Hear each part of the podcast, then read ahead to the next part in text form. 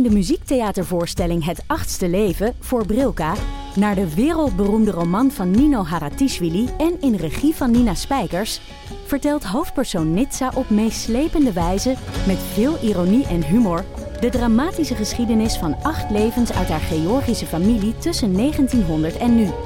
Een hartverscheurend en tegelijk troostrijk drama verteld vanuit het perspectief van vrouwen uit verschillende generaties. Waarbij het publiek meegenomen wordt op een emotionele, visuele en muzikale reis door de 20ste eeuw. Koop je tickets voor het achtste leven via oostpol.nl. Schaamteloos Randstedelijk is dé podcast voor jonge mensen in de stad op zoek naar houvast. Iedere aflevering houden wij, Doortje Smithuizen en Perre van den Brink, de jonge steling spiegel voor. Hoe erg is de wooncrisis voor millennials? En kan je eigenlijk nog wel vlees eten? En is natuurwijn helemaal super of is het totaal overbodige luxe? Wij zijn jouw gids binnen de Randstedelijke bubbel. Luister nu naar onze podcast Schaamteloos Randstedelijk. Overal waar jij je podcast luistert. Dag lief luisteraar, ben je er klaar voor om na het beluisteren van deze aflevering een radicale lesbische feminist te zijn? Welkom bij Damn Honey.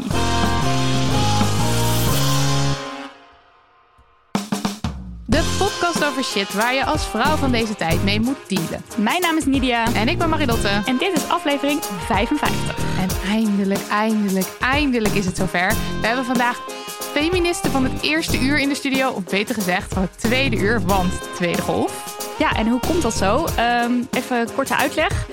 Een tijdje geleden waren Marilotte en ik te gast bij Dook Duikt In, een eh, online show eh, van Dook van Dijk. En eh, daar mochten we babbelen over Damn Honey. Dat was helemaal leuk. Dat was helemaal leuk. En We Love Dook en Dook Loves Us. En het was een en roze geur en maneschijn.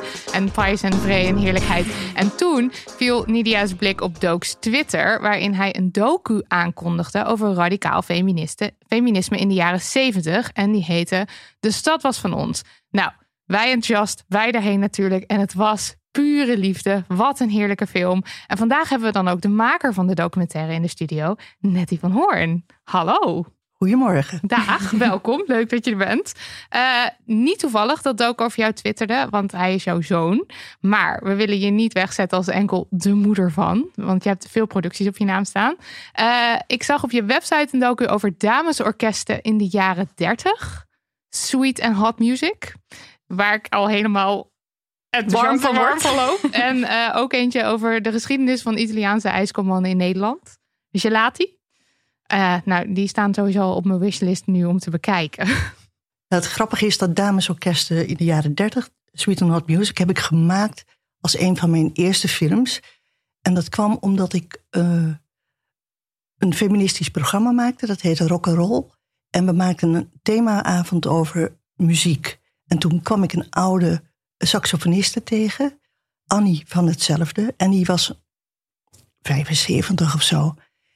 En zij vertelde over haar leven. En ze, ze, ze, wil, ze was 16 en toen wilde ze heel graag een eh, saxofoon spelen. Maar dat was een instrument voor mannen, dus dat mochten meisjes helemaal niet. Nou, uiteindelijk heeft ze dat wel voor elkaar gekregen. En toen is ze in een damesorkest terechtgekomen. En is daarmee over de hele wereld gegaan. En in Beirut, noem maar op, als 16-jarige. En op een gegeven moment was het zelfs zo dat er vier grote damesorkesten speelden op het Rembrandtsplein. En die speelden al die mannen eruit. Dat was, maar het is een geweldig leuke documentaire. En helaas zijn die damesorkesten na de oorlog niet meer teruggekeerd. Omdat er ook heel veel Joodse vrouwen in zaten die helaas overleden of weggevoerd zijn en vermoord. Maar het is een, ook een mooie geschiedenisdocumentaire waar ik heel erg van hou om te maken. En is die nog steeds ergens te bekijken? Nee, maar ik kan hem wel online zetten. Yes! Oh, lovely. Ja, het is, een pra- het is echt een prachtige documentaire. Ook omdat er, omdat er zo'n een geschiedenis eh, die helemaal verdwenen is. Ja, ja. zo zonde. Wordt eigenlijk weer levend en zichtbaar. Ja. Ja. Ja. Nou, we kunnen niet wachten tot hij er is. Echt hoor. Nou, je hoorde haar net al heel eventjes, gast nummer twee. Eh, ze is een van de feministen die aan het woord komt in de documentaire van Nettie. En ze is een van de medeoprichters van vrouwenboekhandel Xantippe. Mede organiseerde de eerste homodemonstratie van Nederland. En ze is ons nieuw fashion-icoon, want de looks die voorbij komen in de docu, ze zijn fantastisch. Het is Pamela Patinama. Welkom. Dank je. Eh, ja, ja, leuk, en- leuk om hier te zijn. Ja, nou, wij zagen dus die docu en dat nou, vonden je helemaal geweldig. En toen gingen we even onderzoek naar je doen. En toen zagen we dat je ook nog bijzonder hoogleraar koloniale en postkoloniale literatuur en cultuurgeschiedenis bent. Eh, lange tijd Was. aan de Universiteit van Amsterdam. Eh, ja, en dat nu niet meer aan de universiteit, maar je doet nog steeds onderzoek. Ja. Nou, wij natuurlijk helemaal. Oh, dan moeten we spannend. Ja, dat klinkt zo goed. Ja, op En- zijn minst. Ja, dus, eh, Leuk nou, dat u er bent. welkom. Eh, straks alles en meer over de stad was van ons en al het fantastische feministische werk dat jullie eh, in de jaren 70 verzet hebben. Ik kan niet wachten. Maar eerst, Nidia, heb jij de afgelopen tijd nog iets uitgesproken waarvan je denkt, ja, niet zo heel feministisch? Nou, ik was deze week jarig en het was natuurlijk feest. En het was vooral feest de dag voordat ik jarig was. Toen ik een blik in de spiegel wierp en drie prominent aanwezige grijze haren zag. En ik toch even moest slikken toen ik dat ehm, aantrof. Toen je dat aantrof. Toen ik dit, eh, dit ja. Het, ja, ik, Ik had er toch even moeite mee. En dat, nou, eigenlijk het meest minst feministisch was mijn moeder. Want die had ik op mijn verjaardag aan mijn telefoon. Toen zeg ik, nou mam, gisteren voor de spiegel. Ik trok, zo, ik trok ze er ook echt uit, hè. Zo ben ik dan ook weer. Ehm, zie zo drie, drie grijze haren. Zegt ze, wat? Wat? Nu al? Nu al? Nou, ik was jong met mijn 40, maar 32, dat is niet goed hoor. Dat was mijn moeder.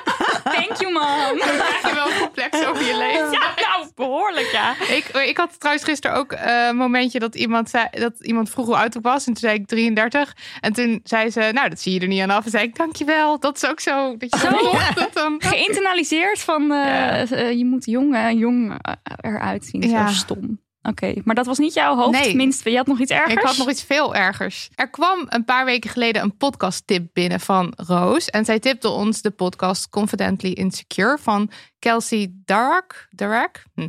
En dan vooral de afleveringen van Host Throughout History. En daarin bespreekt ze vrouwen uit de geschiedenis die eigenlijk niemand kent. Omdat we alleen maar leren over mannen. En er is één aflevering over eh, Julia Tovana. En zij was misschien wel de meest succesvolle seriemoordenaar in de geschiedenis ooit ter wereld. En niemand En kent haar naam. Ja, like. Eh, en ze leefde in de 17e eeuw in Italië. Ze ging dood in 1659. En eh, dat is een beetje aan het einde van de renaissance. Wat een hele oppressive tijd was voor vrouwen. Gearrangeerde huwelijken. En je kon niet echt wat als vrouw behalve er, het ondergaan en, en mooi wezen. En eh, ja, als je het niet trof en je zat bijvoorbeeld in een gewelddadige, een gewelddadig huwelijk, dan kon je geen kanten op, want scheidingen of zo, dat bestond niet. Nou, en deze meid, eh, die eh, was professioneel vergiftiger. En zij heeft dus honderden mannen vermoord met haar vergif, wat aqua tofana heet. En eh, dan konden vrouwen konden dus bij haar- Wacht honderden. even. Tovana was haar achternaam. Tovana dus was was haar vernoemd. achternaam. Dat vergif had ze ook genoemd naar zichzelf. Ja, wacht. Ik heel eventjes. Julia, Julia Tevana. Ehm, eh, en dat vergif is dus genoemd naar, naar haar.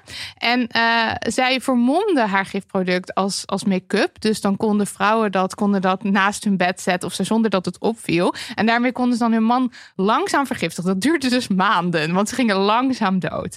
En eh, ze is dus uiteindelijk veroordeeld voor het vermoorden van meer dan 600 mannen. Maar het was een soort dat je haar inhuurde, dus begrijp ik Nou, je eigenlijk. kon naar haar toe. Zeg maar, zeg Dan maar regelde via, zij via het. kon je bij haar terecht als je dus in een situatie zat waar je uit wilde. En dan kon je dus eh, dan kon je dat vergif Maar krijgen. vrouwen wist, kende haar dus. Ja. Dat, Ja, en, en nu, kijk, ze wordt natuurlijk ook in al die video's en teksten die ik nu over haar lees neergezet als een soort beschermengel van de vrouwen. Eh, maar goed, ze heeft dus honderden mannen vermoord. En ik zat met die podcast te luisteren met... Oh god, zij is zo cool. ik wil haar zijn. Geef me mokken van die vrouw. Geef me t-shirt. Aqua Tovana. Ja, geef me Aquatofana. En terwijl bij serie moordenaars zoals Jack the Ripper of, of Ted Bundy of zo... denk ik alleen Ja. maar... Ugh, waarom worden die mannen de hele tijd zo opgehemeld? En het zijn gewoon Ja, en vrouwen... waarom kennen we de slachtoffers niet bij naam en Ja. de seriemoordenaar wel? En terwijl Ja. het boeit me geen reet anders. Wie die mannen waren. Ik denk alleen maar, wat een vette... Nou, dus, maar ze wisten Ja, dus ook goed geheim te houden. Want alleen de vrouwen wisten. ja precies. Ja, Ja, dat was echt ik wil van mijn man eh, af. Maar kun je iets voor me betekenen? Ja, dat is toch... Daar krijg je toch... Nou, energie krijg van. je zin van om mannen Ja. te vermoorden. dat is niet heel feministisch. Eh, en dat was dus ook dat vergif was de, de, de, de combinatie van de ingrediënten niet helemaal bekend. Maar er zat bijvoorbeeld lood in en een ars, arsenic. Dat is volgens mij eh, dat, dat- nou ja, ik weet niet precies hoe je dat in het Nederlands Arsenicum. Arse- Is dat arsenicum? Ja, waarschijnlijk, Oké, nou, ja. arsenicum. Ik hoor dat heet het in het Engels. Ja. Eh, ar- arsenicum en lood zat er dan in. En je, en je, je zag het niet en je proefde het niet of zo. Dus ze konden dan hun mannen heel mak- makkelijk vermoorden. Mm. Ehm, ik bespreek dit trouwens ook omdat, we, omdat ik sinds kort, nou door Nidia, want Nidia geeft mij altijd tips, want ik ben een lui mens, eh, eh, de Volksjury luister. En de Volksjury, dat is een podcast waarin eh, de hosts eh, Silke en Laura eh, de eh, eh, moorden bespreken. Vaak onopgelost, maar tegenwoordig ook gewoon een beetje sensationele moorden bespreken. En met elkaar op een beetje onverantwoorde wijze, wat wij heel leuk We speculeren er lekker op los. ja, en nou, eigenlijk zit ik nu mezelf en Nidia uit te nodigen voor de Volksjury. Volksjury, als je luistert. Silke, willen- Laura, Ja, hallo. Hallo, hallo, hallo. We love you. en we willen heel graag met jullie een crossover en dan graag praten over Julia Tovana, want dit, is, dit Ja. smaakt naar meer. Ja. Ja, nou, gek dat was het eigenlijk. I love Julia. Nettie. Ja, deze week ging opeens mijn radiator kapot in de badkamer. En ik heb de maat opgenomen en hem besteld. Maar vroeger deed ik altijd loodgieten eigenlijk wel zelf, alle simpele klusjes. Maar hiervoor heb ik toch meteen mijn broer gebeld. Toch ook uit gemak dan? Want eigenlijk zou je het wel kunnen. Kan je het wel? ik. Ik zou het wel kunnen, maar ja, het is wel uitgemaakt. Gewoon lekker makkelijk eventjes die broer erop en dan heb je het maar gehad. En Ja. voelt hij zich dan, want weet hij dan wel dat jij dat eigenlijk zelf kan? Nou ja, mannen denken altijd dat ze het beter kunnen. Kijk, ja, ja, en daar ja. kan je dan maar net zo goed gebruik van maken. Pamela. Ja, ik heb ook eh, heel lang eh, moeten nadenken. En, ehm, Jullie Eh, zijn zulke ik- doorgewinterde en ik- feministen. ja, niks Ja, meer. precies. Ik kon, ik kon er dus niet opkomen. Dus ofwel, ik eh, ben altijd feministisch. Ofwel, ik wil het niet weten dat ik niet feministisch ben. Maar ik heb wel een voorbeeld uit het verleden. Mag dat Oh, ja, ook als, tuurlijk, als, ja. als voorschotje op eh, straks? Ehm, nou, ik, was, eh, ik woonde niet in Amsterdam, maar in een andere stad. En eh, ik was getrouwd en ehm, eh, lid van Dolomina. En daar deden we dus allemaal ludieke, provocerende acties. En een van die acties was dat we op bezoek gingen bij de Vereniging voor Huisvrouwen. Om die vrouwen een beetje peper in de kont te geven. maar het punt was dat de, dat de voorzitter van die vereniging mijn schoonmoeder was. Oei. Oh. Ja. Oh, Nou, dat is ja. heel erg smeuig. Ja. Enorm dilemma. En uiteindelijk ben ik niet meegegaan. En, daar- en dat vind ik nog steeds een van mijn eerste onfeministische daden. Oh, dat goeie. je schoonmoeder niet durfde te trotseren. Precies. Dat is heel leuk. Wat een goeie zeg. Heel goed. Eh, we gaan naar Vos. Ja. ja. Eerst een leuk bericht. Ja, zeker. Een leuk bericht van Marije en Carlijn. Hallo, leuke vrouwen. Al tijden ligt dit voor de leuk bericht voor jullie klaar en ik ga het maar eens opsturen. Afgelopen zomer zaten mijn zus en ik met ons oude moedertje en onze gezinnen op de camping. Ik vertelde dat ik sinds een tijd mezelf met een stuk zeep was in plaats van met een fles doucheschuim. En dat ik het zo handig bleek te vinden dat ik mijn schaamhaar niet weghaal. Want dat die foef haar heel handig is om lekker veel schuim mee te maken. Ja, ik weet ook dat ik dat schuim niet in de doos moet smeren hoor. Dat ze er nog eventjes achter. Mijn moeder riep toen schuimhaar. Waarop zus Carlijn en ik tegelijk aan jullie moesten denken. Want wat een fijn woord is dat voor schaamhaar. Dus schuimhaar. Zeker toen mijn man direct reageerde met: Ik heb handig schuimhaar op mijn borst. Kortom, niet schaamhaar, niet vulvahaar, want mannen, mannen hebben dat nu niet e- eenmaal niet op hun borst of rond hun piemel. Maar ook niet lichaamshaar, want dat zit ook op je benen en schuimt lang niet zo lekker. Het moet wel een beetje dat loofah-effect hebben immers. Schuimhaar dus. Het nieuwe neutrale woord voor schaamhaar. Groetjes. Ja, Leuk hè? Heerlijk. Ja, Ja. echt heel, heel Ook zo leuk. gezellig dat die hele familie daar dan zo over zit te babbelen. op de Ja, op die camping. camping. Op Zo camping. de Echt tent geweldig. Of zo. Heel leuk. Oké, dan hebben we een, eh, een eh, poststuk met een vraag. En ehm, voor de luisteraar die weet dat we... eh, vorige aflevering hebben we het gehad over een roze broodtrommel... die al dan niet voor een zoon gekocht wordt. En eh, deze brief die sluit daar een beetje op aan. Daarom schreef ook deze brievenschrijver deze brief. Oké, komt-ie. Mijn oudste zoon is twee maanden geleden vier geworden en gaat dus net naar school. Ik probeer hem altijd alle keuzevrijheid te geven wat betreft zijn keuze voor kleding en bijvoorbeeld ook broodtrommels. En soms komt het dan ook inderdaad voor dat hij dan iets kiest dat roze is. Waar ik nu tegenaan loop, is dat mijn man dan vaak terloops opmerkt dat roze voor meisjes is. Ik heb hem, mijn man dus, hier al een aantal keer op gewezen, maar helaas tot op heden zonder resultaat. Bovendien lijkt onze zoon dit, nu hij op school zit en voornamelijk met wat oudere jongetjes speelt, ook heel sterk te internaliseren. Tijdens het knutselen had hij bijvoorbeeld oogjes met blauwe oogschaduw op zijn knutsel geplakt. Toen ik zei dat het mooie oogjes waren, van die wiebeloogjes, superleuk, vertelde hij dat er ook oogjes waren met roze oogschaduw, maar die zijn voor meisjes. Ik heb toen geprobeerd uit te leggen dat jongens ook roze en meisjes ook blauw mooi mogen vinden, maar ik merk dat mijn woorden weinig indruk maken als de mensen in zijn omgeving allemaal bevestigen dat roze voor meisjes is. Hebben jullie tips om mijn zoon te laten zien dat hij prima zijn eigen mening mag vormen in plaats van mee te gaan in de maatschappelijke verwachtingen? Of, om het wat breder te trekken, hoe voed ik mijn kind lekker feministisch op? Nogal een vraag, hè? Ja, echt zo lastig. Want je hebt te maken met die wereld en die andere kinderen op school en lesboeken en andere ouders en televisieprogramma's en docenten. En je hebt er simpelweg geen invloed op wat, wat Op die buitenwereld. Ja, op die buitenwereld. Want zelf kan je het natuurlijk helemaal tot in de puntjes goed doen. En dan nog kan je kind Ja, al die Ik- dingen opnemen. ik heb eh, het even.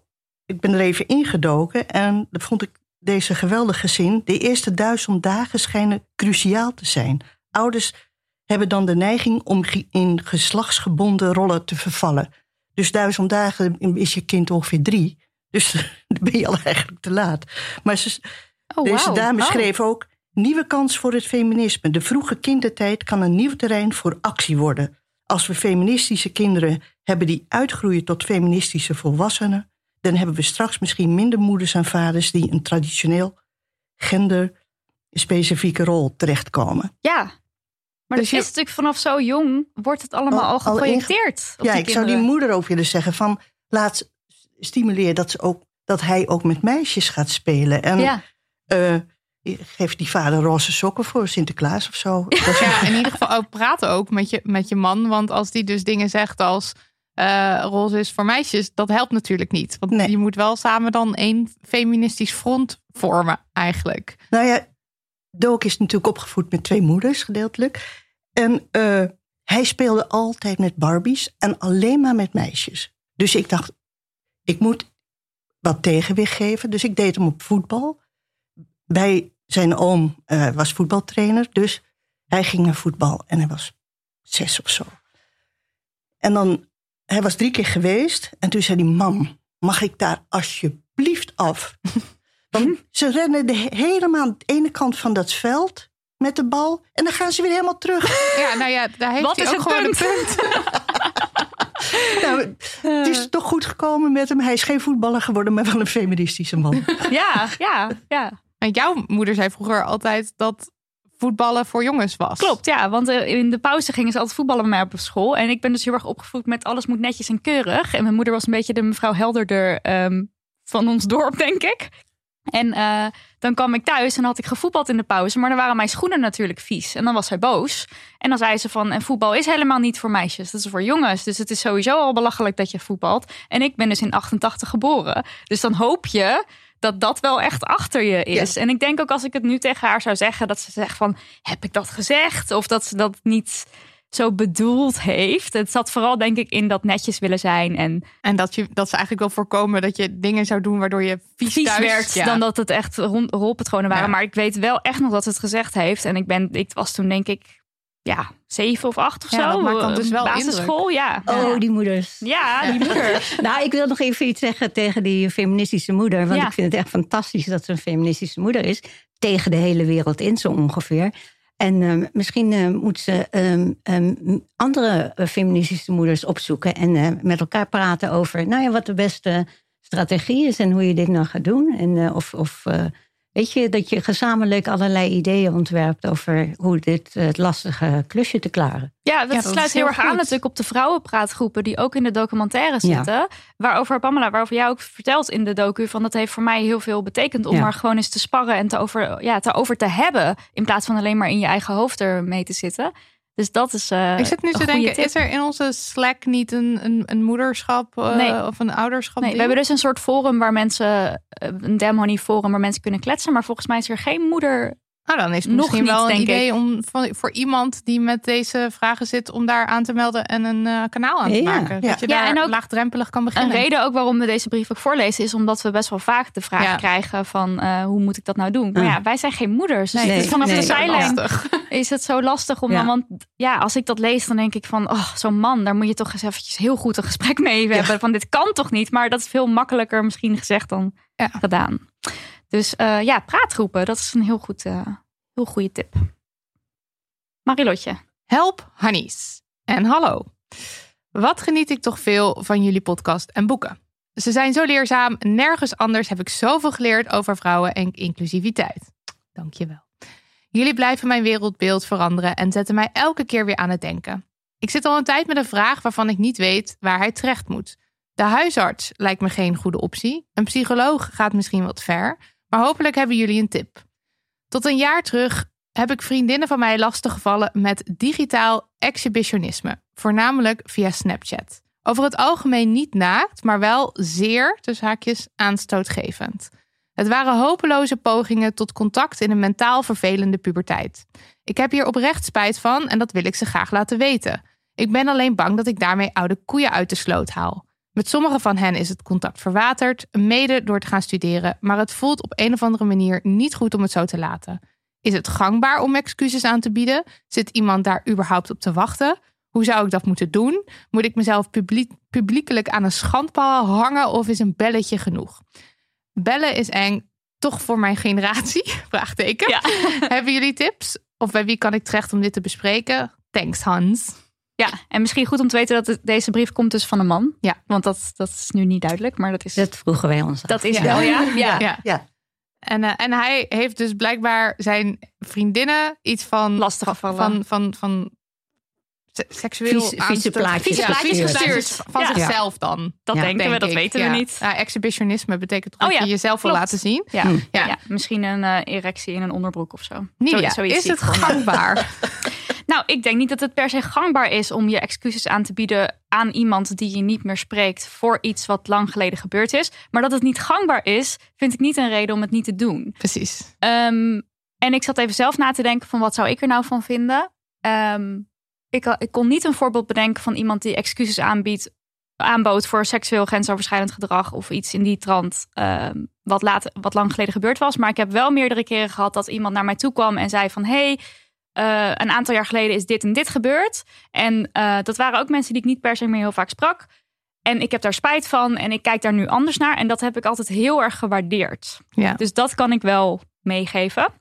En ik zat te denken, een voorbeeld wat ik dan had. Ik ben een keer door eh, iemand ehm, die ik via mijn werk kende tegen een muur gedrukt. En hij probeerde mij te zoenen. En hij zei, I know you want this. Ik wilde dat dus niet. Dat was erg duidelijk. En toen heb ik dat niet zo heel erg als, ehm, ja, als iets heftigs ervaren of zo. Maar eigenlijk is het natuurlijk compleet bizar. Ja, ja, echt, hoor. Ja, maar oké. dat, zo- Ja. dat, zijn ook de ideeën in je hoofd dat je denkt van, oh oké, dit, Gebeurt dit gebeurt blijkbaar gewoon midden op de dag hier op straat. Ehm, en eh, nou, dat, dat, die situatie speelt dan dus nog wel eens door mijn hoofd. En ik zou het dus ook niet erg vinden, of eigenlijk misschien wel prettig vinden, als hij nog eens een bericht sturen van hé, hey, dat heb ik toen gedaan en nu weet ik dat is niet oké. Ja. Ik moest Dus- denken aan, eh, aan de. Ik heb hier in de zomer over gehad in de aflevering met Marieke IJskoot. eh, dat ik ehm, een paar jaar geleden gebeld werd door iemand die zei: Hallo, ik ben van Volksgezondheid en ik heb een paar vragen voor je. En die begon toen super intieme vragen te stellen, die ik ook deels beantwoord heb.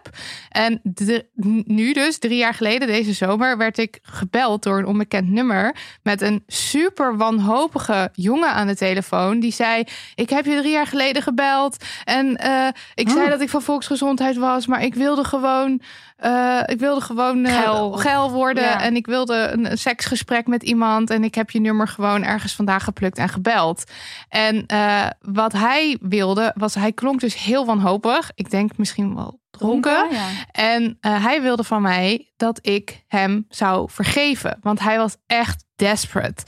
En ik vond dat een super vervelend telefoontje. Want één, ik, ik had altijd wel mijn vraagtekens bij dat gesprek gezet. Maar verder niet als vervelend ervaren. En opeens werd het een vervelende ervaring. Maar hij wilde vooral ook wat van mij. Namelijk dat ik hem ver- vergaf. En ik zei toen ook, nee, daar heb ik helemaal geen zin in. En toen begon hij echt zo te smeken. En toen heb ik ook opgehangen. Ja, hij bleef het ook echt, want wij waren toevallig aan het zoomen eh, Ja. terwijl hij belde. En hij Ja. stond op de speaker, dus ik kon meeluisteren. Oh, en ja. hij bleef echt maar van, maar wil je me dan alsjeblieft vergeven? Wil je me vergeven? En jij moest dat echt van hem zeggen. Ja. En dan ben je dus echt voor jezelf aan het bellen en niet voor de ander. Ja, en sowieso denk je kunt je afvragen als je je excuses aan wil bellen, voor wie doe je dat? Want waarschijnlijk doe je dat ook voor jezelf. Wat niet erg is, want het kan ook goed zijn voor een ander. Maar hou in gedachten dat je niks van de ander vraagt. Je stuurt dat berichtje. Het is gewoon, hey, ik heb dat gedaan en dat spijt me heel erg. Ik verwacht niet iets terug. Ik hoef Geen ook geen reactie. vergeving of zo. Uh, maar ik wil wel dat je dit weet. En dan kan ik me dus voorstellen dat mensen daar wel op zitten te wachten. Dat, Of dat het prettig kan ja, zijn. en, en ga ze ook niet, zeg maar, ga niet, ik weet niet eens niet hoe die bellen. jongen aan mijn, aan mijn nummer kwam. Dus ik zat, na, na, ik zat nog twee weken na dat gesprek, zo van hoe komt hij aan mijn nummer? En zou die dan dat gesprek Ja, heel hebben vervelend. opgenomen? Heel invasief ook, hè? Ja, Het is ook agressief, vind Ja. ik. Ja, Ja. ontzettend agressief. dus ik denk Ja. dat excuses aanbieden, toppie, maar bedenk goed hoe. Ja. Nou, daar ben ik het helemaal mee eens. Toen ik die brief las, eh, ik, ik, ik, ik was echt kwaad, weet je. Van iemand die eh, iets eh, grensoverschrijdend doet. En dan, en dan weer terugkomt. Met hetzelfde, niet met hetzelfde, maar weer iets zoals jij, jij zegt. Hij wil iets van mij. Ja, Het- hij, doet het het, hij geval doet het voor zichzelf. Oké, excuses zijn altijd fijn, eigenlijk wel.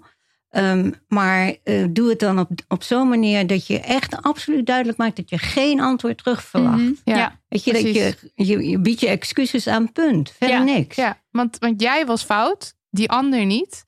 Dus die ander moet niet nog iets voor jou moeten doen. Nee. Precies, Ja. precies. En ik denk ook dat het dus de, de manier waarop je contact legt ook heel belangrijk is. Want stel, hij moet nu echt actief gaan zoeken naar een telefoonnummer of een adres. Dan is het gelijk weer creepy en stalkerig. Dus alleen maar op het moment dat je gewoon dat het logisch is. Dat je iemand wat stuurt. Ja, want Dat- zoals dat bij je- jou, dat je dan opeens gebeld wordt. Dat je denkt, hoe kom je aan mijn nummer? Ja. Of hoe weet je waar ik woon? Dat is gewoon heel eng en Ja. vervelend. Dus Ja. als, dat, als, als deze jongen niet precies weet waar, hoe die diegene moet bereiken. Laat, Laat het maar. dan alsjeblieft. Maar als je elkaar toch al volgt op Instagram of zo, dan kan je misschien overwegen om een DM te sturen. En dan zeg je van, ik hoef absoluut geen reactie. Ja, ja. precies. ja. Nee, je moet niet zeggen, ik hoef geen reactie, ik wil geen Ik wil reactie. geen reactie. Ja, Ja. precies. Ja, Ja. heel duidelijk Ja. Daar, daarin zijn. Ja. Ja. ja, is goed.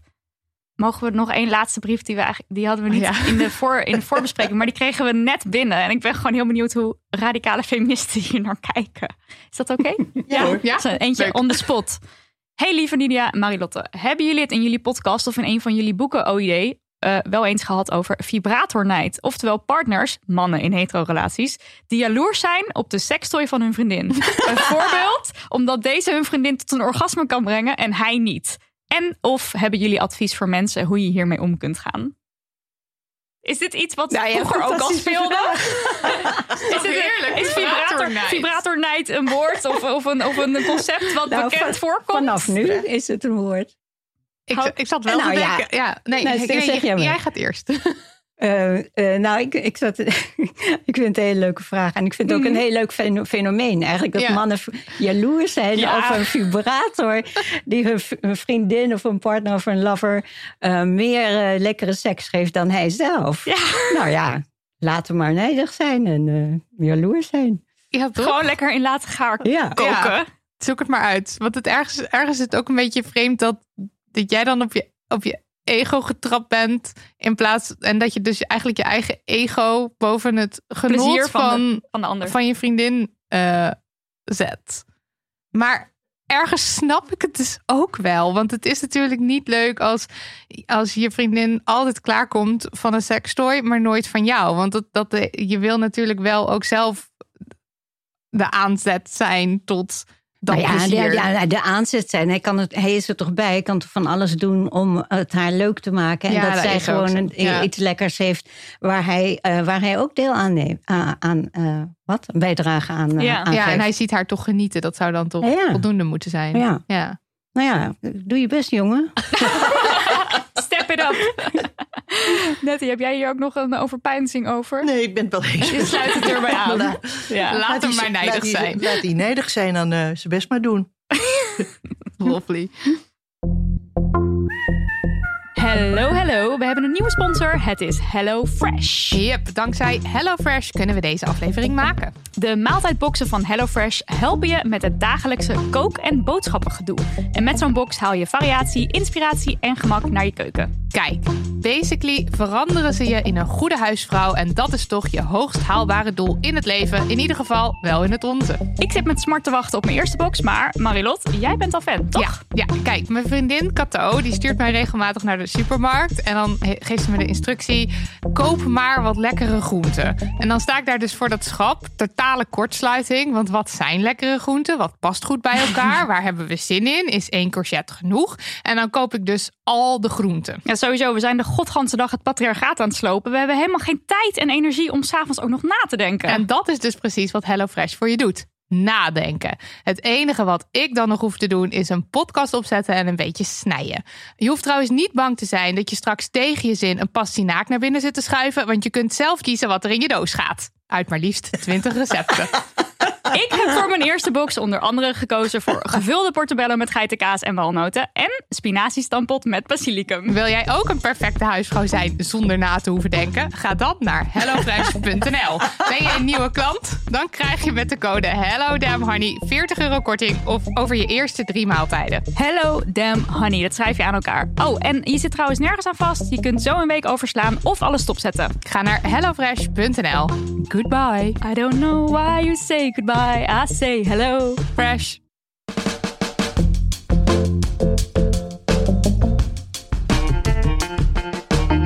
We moeten het even hebben over radicaal feminisme in de jaren 70. En dit doen we naar aanleiding van de documentaire De Stad was van ons. En dit is een docu waar wij dus helemaal weg van zijn. We zaten in die bios en we kwamen er nou, we hebben eerst een uur zitten lachen, want er zitten heel veel hilarische stukken in. Het is fantastisch, maar je komt er dus ook. Wij liepen naar buiten en we dachten, we willen actie en de wereld moet anders. En het is zo leuk om de gezichten te zien van de vrouwen die voor ons streden om het patriarchaat te slopen. Ja, het is gewoon, je, we weten er veel te weinig van. Ja. Want je hoort dan wel Dolomina's. En dan weet je wel, die, je ziet dan meteen die foto voor je met baas in eigen buik eh, op de buik geschreven. Maar verder weten we zo weinig. En dan weten wij nog meer dan de gemiddelde Nederlander. Ja, en ik, ik vind echt dat mijn kennis. Dit is niet goed. Ja, het is niet goed genoeg. Dus ik ben heel blij met deze docu. Want het is ook gewoon zo lekker vermakelijk en hapklaar. En dit is de informatie. Zo fijn. Ja, en uh, u gaat nu alvast zeggen, zometeen gaan we het dan nog een keer zeggen. Maar je kunt hem dus ook bekijken. Want Nettie die heeft hem beschikbaar gesteld uh, via onze website. damhoney.nl slash de stad was van ons. Daar staat ook een donatieknop. En daar willen we je vragen of je daar uh, een euro of wat wil doneren aan Nettie. Want je hebt dat bijna helemaal, ja, je hebt dat semi-gratis gedaan, toch? Je hebt er niks aan verdiend, laat ik het nee, zo ik heb zeggen. er helemaal niks aan verdiend. Ja, nee. precies. Ja. En uh, nou, normaal zou je misschien naar de bioscoop gaan, een kaartje kopen, uh, misschien nog een beetje popcorn erbij. Nou, dat bedrag kan je dan mooi uh, doneren aan Nettie. Want uh, ja, deze film, daar moet gewoon geld naartoe. Maar even terug helemaal naar... Um, de jaren zeventig. Ja, ja maar waar, het eerste ding waar ik benieuwd naar ben, want we hebben dus Pamela in de film gezien. Dus we weten dat Pamela uh, feministisch actief was en helemaal uh, fantastisch, gaan we het er helemaal over hebben. Maar Nette, jou zien we natuurlijk niet, want je bent Nee. de maker. Maar was jij ook onderdeel van de beweging? Of stond je een beetje langs de zijlijn? Of wat was jouw... Waar Nee. was jij? Ja, waar was je in die tijd? Nee, ik was ook onderdeel van de beweging, maar ik was niet in de. Ik was wel in de voorhoede, maar op de achtergrond. Ik ben iemand die meer voor de organisaties en de techniek. En ik, ik heb de gave van het beeld en niet zozeer van het woord. Dus ik deed andere dingen. En zijn dan de beelden in de film ook Waar jouw ziet. beelden? Ja, je, je ziet mij wel degelijk. Ik ben Oh, een soort leuk. Hitchcock die af en toe verschijnt. Ja, ja, ja, de cameo.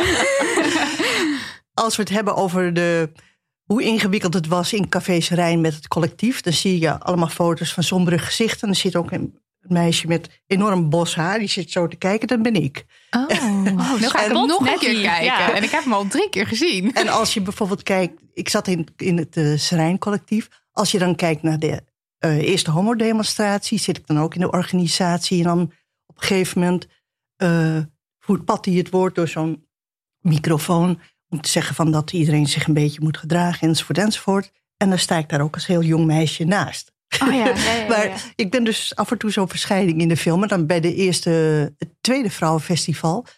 Nee, het eerste zal het geweest. Het eerste vrouwenfestival. eh, wilden we natuurlijk alles zelf doen. Dus we hadden van eh, het Zomerstraattheater eh, de, de vrachtwagen geleend. En die vrachtwagen kon je ombouwen tot een toneel. En er moest dus allerlei techniek bij. Dus dan zie je in de verte allemaal vrouwen in witte pakken die de techniek doen. En daar ben ik er ook een van. Oh, ja. Ja. Maar, zo, maar ik zat wel degelijk in de, eh, midden in de vrouwenbeweging en in het collectief. Want alles deden we samen natuurlijk. En je was natuurlijk ook fysiek veel samen, omdat de communicatie heel anders was. De Mhm. communicatie, we hadden geen, geen mobiele foontje. Je ging naar het vrouwenhuis toe, of je ging naar Serijn, of je ging bij iemand thuis en dan ging je het organiseren. Ja, Sarijn is een vrouwencafé voor de, Ja. voor de luisteraar die dat nog Ja. niet weet. Die nog steeds bestaat. Eerste vraag. Waarom heb je deze documentaire gemaakt? Ja. Nou, ik wilde heel graag dat die geschiedenis van het radicaal feminisme... dat die niet verloren zou gaan. En ik wilde heel graag ook dat het doorgegeven zou worden... zodat eh, deze generatie, de nieuwe generatie... weet waar de verworvenheden eh, vandaan komen... maar ook waar de valkuilen zitten. Want die zijn er nog wel degelijk. En dat ze waakzaam moeten zijn. En ik kwam erop omdat we een reunie hadden... eh, over de jaren zeventig... En toen hoorde ik al die anekdotes weer en die verhalen en hoe wij eh, actief waren. En eh, als we het ergens niet mee eens waren, dan gingen we er gewoon voor. En dat deden we allemaal collectief. En we hebben in die tijd ook wel vreselijk gelachen. En een ander ding is ook dat ik documentaire wilde en moest maken, omdat de media liet ons links liggen. Ja. We werden afgeschilderd als mannenhaatsters, eh, in tuinbroeken en dat soort onzin. Maar we kregen heel weinig eh, beeld. Ik bedoel, eh, één keer is de Polygoon geweest op het Tweede Vrouwenfestival. Er zijn maar in het archief twee stukjes terug te vinden van alle eh, demonstraties eh, voor, tegen de abortus. Of voor, eh, dat we streden voor abortus, laat ik het zo zeggen. En ik geloof dat ze wel dertig keer gedemonstreerd hebben om de abortus, voor de abortusstrijd. Maar er is niks te vinden. Mhm. Dus ik vond ook het heel belangrijk om de vrouwen, nu ze nog leven, want er zijn natuurlijk ook al een heleboel dood, Ja. om dat vast te leggen en te laten zien eh, hoe we gestreden hebben en wat er van die vrouwen, vrouwen geworden is. Ja, en wat voor vrouwen dat dus eigenlijk ook waren. Want wat je net zegt over mannenhaters, dat hebben ze heel goed voor elkaar gekregen. Want dat beeld is er nog altijd over feministen. Dat dat een soort onverzorgde, lelijke, eh, Tuinbroekdragende. boze, schreeuwende, eh kaalgeschoren vrouwen zijn. Wat natuurlijk kan. En ik, I love it als je dit allemaal bent. Maar er is, het zijn heel veel verschillende soorten feministen. Maar ze hebben het wel voor elkaar gekregen. Want dat is dus wel waar wij ook nog steeds tegenaan lopen. Dat mensen zo, huh, feminisme. Feminisme. Als je, als je dat dan vertelt op een feestje of zo. Nou, niet dat ik ooit nog een feestje meemaak deze corona times. Maar vroeger, toen je nog wel eens op een feestje kwam. En je vertelde, ik heb een feministische podcast. Nou ja, dan krijg je dus eh, vieze blikken. Ja. Dus ook, ook dat was een van de redenen waarom wij deze docu zo geweldig vinden. Omdat je die gezichten nou eindelijk eens ziet. En de acties, want er is zoveel meer dan dat wij dus, eh, dus dachten. Maar hoe was het in die tijd om vrouw te zijn? Want dan hebben we het dus over eh, opgroeien in de jaren 60, 70. Zeg ik dat 50, goed? ja, 50, 50, 60. 50, 60. Ja. 50, 60. Oké, ja. Hoe was dat? Ehm, nou, kijk, ehm, er waren hele conventionele vrouw- en manbeelden. Hè. De, eh, vrouwen werden opgevoed ehm, tot eh, huisvrouw, eh, echtgenote, moeder. Dat was eigenlijk wat je, wat je mocht doen. Eh, Maaike Meijer die zegt dan... ja, we- mochten wel een carrière hebben. Vrouwen mochten een carrière hebben. Maar dat was een carrière in liefigheid, in zorg, in zelf wegcijferen. Je wegcijferen, ja, Ja. ja. En, en heel veel vrouwen werden daar ook ontzettend depressief van en moedeloos. En eh, op een gegeven moment kwam ehm, eh, Betty Friedan in Amerika, die schreef een boek, ehm, The Feminine Mystique. Ehm, ehm, Adrienne Rich schreef eh, Gedwongen heteroseksualiteit. Hoe heet ze ook alweer met die lange haren? Die schreef Het onbehagen van de vrouw. Dus op, op, op een gegeven moment kwam er een soort roering reuring. En dat kwam ook omdat wij, wij waren eigenlijk de eerste generatie die profijt hebben gehad van de jeugdcultuur. En ook waren wij een- eh, de eerste generatie die eigenlijk eh, meer kansen hadden om een betere opleiding te hebben dan onze ouders. Hm. Eh, bovendien was het de tijd, jaren zestig, waar een heleboel ideeën gekanteld werden. Over autoriteit, over politiek, over waanzin, hè, wie is er gek en wie niet. Over opvoeding, ook over onderwijs. door al die ideeën die vroeger heel erg vastlagen, heel gefixeerd en heel ook heel erg uh, uh, diametraal tegenover elkaar staan. dit is goed, dit is kwaad. Ehm, die raakten aan, aan, aan het wankelen. En daar hebben wij ook heel erg van geprofiteerd. In Amerika kwam de zwarte beweging op, de homobeweging, ook de vrouwenbeweging. en wij ehm, zagen dat allemaal, werden heel erg enthousiast en heel erg gemotiveerd ook om bij ons hier in het Nederlandse, uh, om daar een beetje, uh, nou, uh, strijd te voeren. vuur erin te gooien. We hadden ook niks te verliezen, want het kon alleen maar beter worden. Mm. Je moet dus voorstellen dat in die begin jaren zestig, als je getrouwd was en je was onderwijzeres, mocht je geen onderwijs meer geven. Nee, je werd ontslagen. Je werd ontslagen. En ja, het was, ik, ik ben een arbeidersmeisje en het was gewoon eigenlijk normaal. 90% van de meisjes, tenzij je goed kon leren, ging naar de huisartsschool. Daar werd je opgeleid voor huisvrouw. Ja, dus dan kreeg je gewoon echt les in uh, hoe, hoe, en hoe je strijken, in strijken, oh, hoe strijken, ja. wassen en dat soort dingen. Ja, en dat, en dat was natuurlijk, dat wilde je natuurlijk niet. Je wilde leren, je wilde, je wilde door. En, en is dat dan wel zo dat jullie allebei dachten, dat willen we niet? Of moest je dat nog wel van je afschudden van, hey, hier klopt iets niet. Waarom is dit zo? Uh... Ja, nou, over uh, opleiding gesproken. Um, ik ben een migrantenkind, ik ben Indisch. En mijn ouders um, hebben ons opgevoed in. Um, je moet beter zijn dan die Nederlanders, eigenlijk. Want zij komen uit, een, uit een koloniale samenleving waarin er op, een, op hun werd neergekeken. Dus zij uh, waren heel erg bezig met vooruitgang, uh, goede opleiding, um, um, uh, je kansen pakken. En uh, dus werd, ik was, ik was het enige meisje thuis. En dus hebben ze me geen strobreed in de weg gelegd toen ik naar de universiteit wilde. Hmm. Ik was de eerste van mijn familie die naar de universiteit ging. Um, maar natuurlijk was ik ook behept met allerlei ideeën over wat conventionele vrouwelijkheid is, wat mannelijkheid is. En, en daarom vond ik onze tijd toen in de jaren 70, 80 zo'n ontzettend geweldige tijd. Echt heel erg, heel erg dynamisch. Omdat al die. Uh, omdat je de kans kreeg, wij de kans kregen om al die ideeën uh, weg te gooien. Weet je, of om in ieder geval daarover na te denken. En, uh, en een soort grip te krijgen op hoe de samenleving in elkaar zat. Hoe mannen en vrouwen met elkaar omgingen of, en ook gedwongen werden. Of, of ertoe ja, niet echt met met harde hand, soms wel, maar ook uh, heel geleidelijk aan in een soort van, uh, nou ja, een, soort van mannelijkheid en vrouwelijkheid die tegenover elkaar stonden. Uh, om daarin te glijden en op die manier een gezin of een familie te, te, maken. En die praatgroepen in die tijd, ik weet niet of jij een ja, heel zeker. Ik heb wel drie gezeten. Ja. Lesbische praatgroepen, gewone praatgroepen, noem maar op. En was dat dan ook Purperemien? Dat was een praatgroep, toch? Of niet? Nee, dat was een actiegroep. Oh, dat was een actiegroep. Ja. En, en, en in, de, in de praatgroepen, daar, daar was bewustwording? Kijk, praatgroepen moet je zien als feministisch. Um, um, net, die zegt net een lesbische praatgroep, maar dat kwam later. Maar in het begin waren dat feministische praatgroepen... waarin vrouwen eigenlijk voor het eerst in de geschiedenis... Um, zich uh, elkaar vonden op hun vrouw zijn. Dat was echt, echt ongekend, ongehoord. Dat was nog nooit in de geschiedenis gebeurd.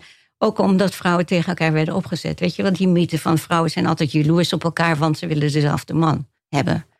Um, nou, in die praatgroepen leerden wij elkaar kennen en leerden we onszelf kennen en ook hoe de wereld in elkaar zat. En hoe je het wilde veranderen, waar je, waar je het niet mee eens was en waar je strijd tegen wilde voeren. En uh, waar je acties wilde maken. Eigenlijk was het praatgroepen was een begin voor, voor de actie. En maar hoe, hoe ging dat dan? Want dan, hoe wist je dat de praatgroep er was? Vraag ja, ik me dan af. Want er was en geen ook, internet. Ja, en, dan, en ook van, uh, nou dan zit je daar met z'n allen. Stel, want stel wij zouden nu een praatgroep willen. Had je dan bijvoorbeeld een soort een onderwerp waar je het over ging hebben? Zo? Of ging je gewoon ging je gewoon vertellen wat je had meegemaakt en kwam daar vanzelf van alles op? op? Nou ja, er waren heel veel verschillende praatgroepen. Hè. De, als je dus naar eh, noem maar even het Vrouwenhuis, dat was een verzameling van heel veel groepen bij elkaar. Ja, dat dus, Vrouwenhuis is misschien ook wel leuk om eventjes kort uit te leggen. Want dat, is, dat hebben jullie gekraakt. Ja, ja, we wilden een plek voor de vrouwen. Dus hebben we op een gegeven moment een. een, ik, heb dat, ik was daar niet bij nog. Maar is er op een gegeven moment een,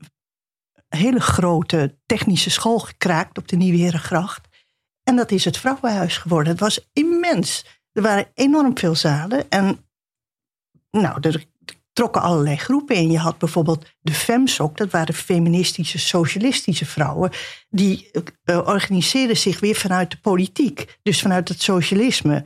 Want ja, in die tijd had je ook veel marxistische groepen, maar daar kwamen de vrouwen niet echt aan de bak. Dus die, die scheiden zich af. En dan had je groepen zoals uh, Vosvrouwen, die kregen dan les. Dat waren de basiscursussen voor vrouwen.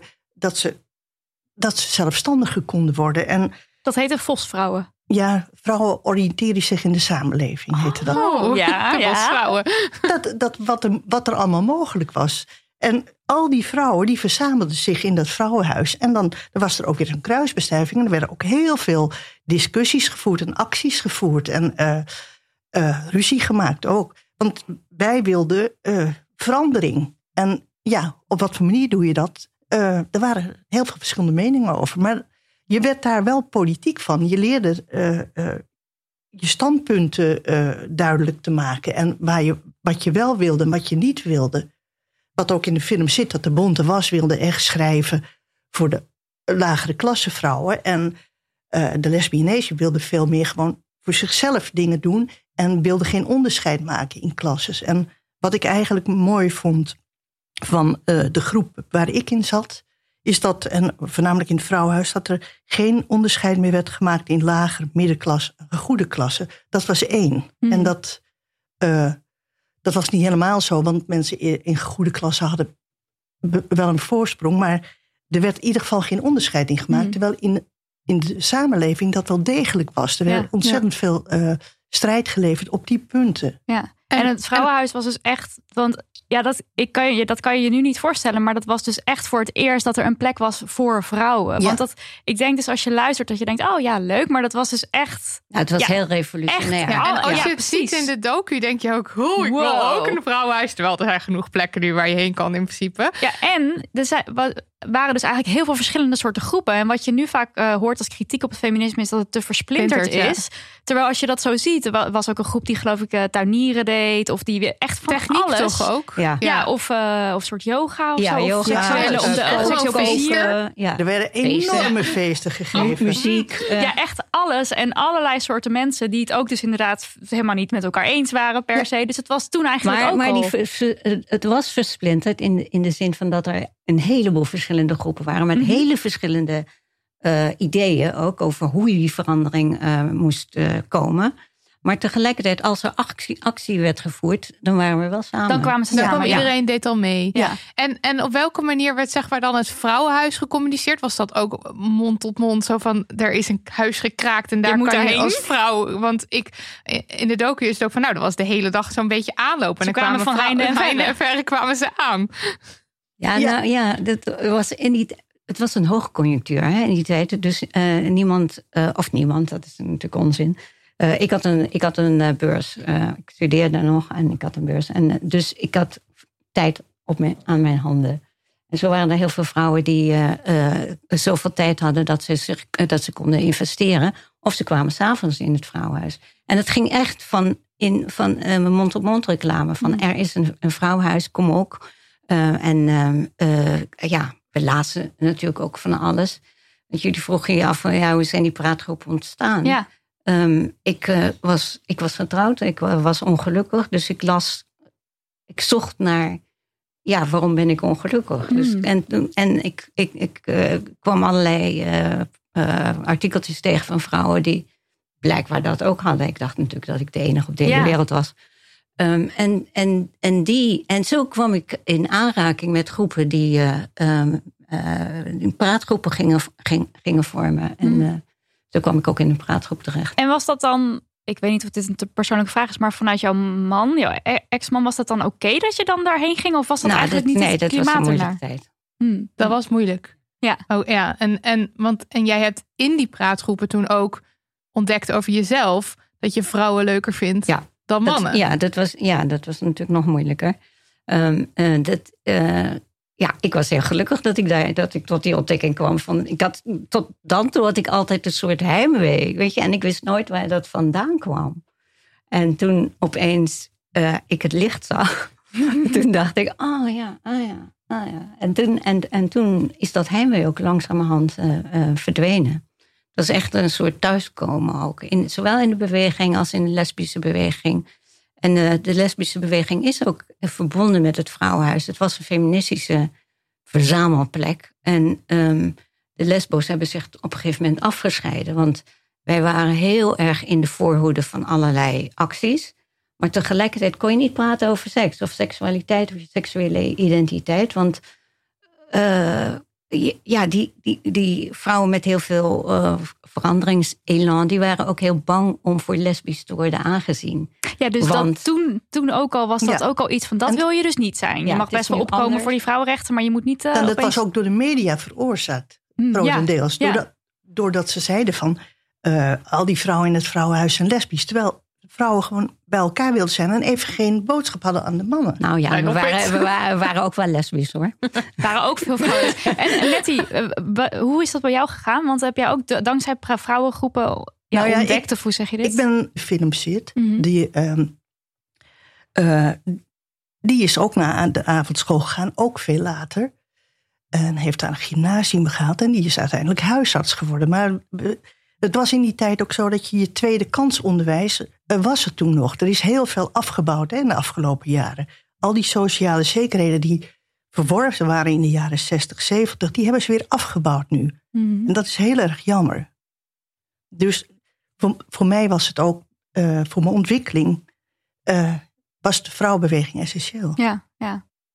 Want dat zie je ook bij, bij de andere vrouwen in de, in de film, dat die allemaal verder gaan zijn studeren, zodat zij eh, zijn geworden wat ze nu zijn. Van Ja. professor tot huisarts. Ja, wat ik dus, wat ergens ook wel een soort van, nou ja, tragisch is. Als in, ik herken me wel heel erg in het verhaal dat je dus gaat praten over dingen en dan pas bepaalde structuren gaat zien of dan pas gaat d- doorziet van wat, wat voor samenleving je eigenlijk in zit. Want Ja, dat is heb- iets wat wij de afgelopen twee jaar Ja. heel erg hebben doorgemaakt. En wat veel van onze luisteraars denk ik ook met ons... Een soort one-way praatgroep zijn we eigenlijk. Ja, Dat mensen ja. het horen en dat ze ook opeens hun standpunten kunnen verwoorden. Wat jij net ook zei, net van je leerde eigenlijk ook uitleggen of vertellen waarom iets niet oké is. Dat zijn allemaal dingen die wij ook hebben geleerd dankzij deze podcast. Door te praten met andere vrouwen, door dingen te lezen. En dat je dus, dus opeens eigenlijk zijn we je, vinger weer. Ja, dat je Hm. opeens je vinger op de zere plek al legt, maar je weet al dat er iets niet klopt. En je hebt zo'n onheimisch gevoel. En maar dan- zoveel jaren later nog steeds dus iets natuurlijk in een hele andere vorm, want veel minder heftig dan waar jullie tegen moesten Ja. strijden. Maar alsnog is het er dus nog Ja, steeds. het is nog steeds. Dat is dus eigenlijk ook wel weer. Nee, en het is ook jammer dat eh, er wordt wel veel gecommuniceerd met de, met de mobiel en Mhm. op, op allerlei appjes. En, maar het fysieke bij elkaar komen en discussiëren is toch heel belangrijk. Ja, Ja. ja. Ja. Dat was ontzettend belangrijk en ook heel erg leuk. Ja. Eh, want, want je kreeg een soort van saamhorigheidsgevoel ook. Ehm, eh, niet eh, allemaal tegen één of één tegen één, maar echt eh, wij doen samen iets. En het was ehm, in de lesbische beweging was het ook zo, waar we tegen moesten vechten, was dat hele beeld van, van lesbische seksualiteit is abnormaal, afwijkend, vies, gefunzig, zielig. Kreeg je weet daar je? iets, hoorde je wel eens iets over lesbisch zijn? ja, hoe, hoe Hoe- keek dus de maatschappij Naar- ook aan tegen ja, vrouwenliefde? Het mooiste is om te vertellen dat in eh 77 deden we de eerste ho- homodemonstratie. En er waren natuurlijk wel mannenbarren en, en dat soort dingen. Maar voor vrouwen was er verder weinig. Dus we waren niet zichtbaar. Vrouwen waren helemaal niet zichtbaar. En toen wij voor het eerst in 77 met 3000 mensen, homo's en eh, lesbische vrouwen, over straat liepen, stonden mensen letterlijk met hun mond open naar ons te kijken. Dat er zoveel vrouwen meeliepen. Ja, en- en we liepen natuurlijk hand in hand of met een schouder om elkaar heen. Maar Zoenen. echt, is- en die echt open mond. En er waren ook mensen die gingen schreeuwen uit de ramen. Die waren echt, dat is echt Positief of negatief? negatief. Negatief, Oh, ja, ja, ja. Maar het was echt niet te geloven hoe, Hm. hoe de echt mensen allemaal met de mond open langs de weg. ja. En dit Ja, is ja, dus wat want- wij... Oh, sorry. Ja. Want mannelijke homoseksualiteit is natuurlijk wel bekend. Hè? Eh, eh, en ook in de, in de literatuur, maar ook eh, ja, mensen wisten van het bestaan ook al, wilden ze het niet. Maar vrouwen, eh, vrouwenliefde, vrouwenseks, eh, nou, dat was onzichtbaar. Wat net- Nettie ook zegt, die- dat, dat had geen plek in de, in de samenleving. We waren er gewoon niet. Ja, volgens mij zegt Maaike Meijer dat op een gegeven moment van eh, een, een vrouw alleen, dat was niks. Oh ja. en, en twee vrouwen, ja, dat was eigenlijk ook, Ook niks. niks. Nee, want als je, als je met elkaar in een café zat, twee vrouwen met elkaar in het café, dan kwam dan een man naar je toe die zei: Ben je alleen? Dus dat- je, je bestond gewoon niet. Ja, ja. Z- Zonder man besta je niet. Ja, Mike vertelt geloof ik dan ook van dat ze dan een slecht tafeltje kregen. Slechte een bediening. Gewoon echt Ja. tweede rang. Echt weggezet worden. burgers, ja. Ja. En, eh, en die eerste homodemonstratie, dat is eigenlijk wat we dan nu nog kennen als de Pride. Toch? Want veel mensen die denken bij Pride dat dat een soort van... Ja, het maar- was een voorloper. Hè? Ko- ja, ko- het is eh, oorspronkelijk demonstratie. eh. Wat misschien ook nog wel leuk is om, om die illustreren hoe die tijd was. Zoals dus twee Ja. vrouwen bestonden niet. Op een gegeven moment hebben we een vrouwenhuisje in de pijp gemaakt. Want het was duidelijk voor. Dan konden we andere vrouwen bereiken die niet naar het vrouwenhuis gingen. En mijn moeder, die was toen 68, 69. Die kwam dan uit Amsterdam Noord en die ging naar Engelse les daar. En er zaten allemaal bejaarde vrouwen die kregen voor het eerst Engelse les. Want die hadden die kwamen in geweldig. 1913. Weet je, die, die kregen voor het eerst scholing. En op een gegeven moment zijn al die, die tien vrouwen zijn dus een weekend naar Londen geweest. En waren voor het eerst vaak eh, zonder een man op reis. En dat mijn oudste broer zei van... het is eigenlijk een schande dat mama het geld opmaakt... terwijl papa niet mee mag. Oh. Het was Zo- zo- echt, ja, dat is Ja. tekenend. ja. Dat, En- dat illustreert die tijd heel erg. Ja. Maar het was fantastisch. Die vrouwen hebben de tijd van hun leven gehad in, daarin in Londen. Ja, maar dat, dat was de, de vrouwenbeweging was heel bevrijdend. Gewoon voor als je je daarbij aansluit, dat je dan jezelf helemaal leert kennen. Dat lijkt me wel echt fantastisch. Ja, het, het, ja, het, het, het was ehm, een hele, ja, ik noem het eigenlijk een experimentele speeltuin. Juist omdat, je, ehm, omdat er niks was voor ons. We moesten ruimte maken, de stad van onszelf maken. Ehm, we moesten ehm, eh, een, een ander zelfbeeld creëren eigenlijk. En ook, ehm, eh, ja, proud to be gay. Weet Ja, je, dat was ja. voor het eerst dat het, dat, dat opkwam. Al- Je moest, daarvoor moest je jezelf verstoppen of eh eh verlogenen. In die tijd, eh, we kwamen naar buiten en daarom wa- waren we ook zo op kleren en uiterlijk en eh, eh, onze haardracht. Ik bedoel, dat, was, dat waren allemaal tekenen van onze eh, eh, eh, trots en ook eh, eh, het zelfvertrouwen dat we in die tijd aan het opbouwen En waren. we schreven het ook letterlijk op de muur. Hè? Liever lesbisch. Lieve lesbisch Ja. aan eh, nog veel meer leuk. Meer zon, minder mannen. En zij komt. Zij kop, ja. Ja, En, eh, En de eh, heksen komen, toch? ja, ja, de prinses ontwaakt. De prinses ontwaakt. Ja, Maar oh, dat we werden ook regelmatig ja. opgepakt. En dan eh, werd je, als we weer eh, posters aan het eh, plakken waren... en dan werd je naar de Warmoestraat gebracht. En dan zat je daar, dat vond ik helemaal nooit erg... want dan zat je daar met je emmertje met, eh, noem ik Plaksel. maar met, met plaksel. En dan kreeg je ook keurig briefje dat de emmer werd ingenomen. was ook heel handig, hoefde je niet mee naar huis te nemen. Maar dan, maar dan kwamen dan de, de hoeren binnen en de pooiers... en de, de dronken mensen werden er binnengevoerd. Het was eigenlijk altijd een feestje om even een paar uur op die Warmoestraat te zitten. Is toch ook ik vind weer het wel. geweldig. Het, het is ook wel. Want ik zat te denken: oké, ik, ik ben zelf lesbisch. En toen ik dat ontdekte, dat is nog niet zo heel lang geleden, was het voor mij wat jij zegt: van het was echt een soort van gevoel van thuiskomen. Als je opeens Het duurde heel lang voordat ik me realiseerde dat ik op vrouwen val.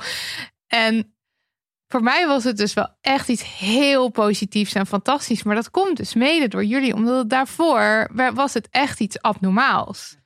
En eh, ik heb wel eens een fragmentje gehoord in eh, eh, de podcast van Parel Radio.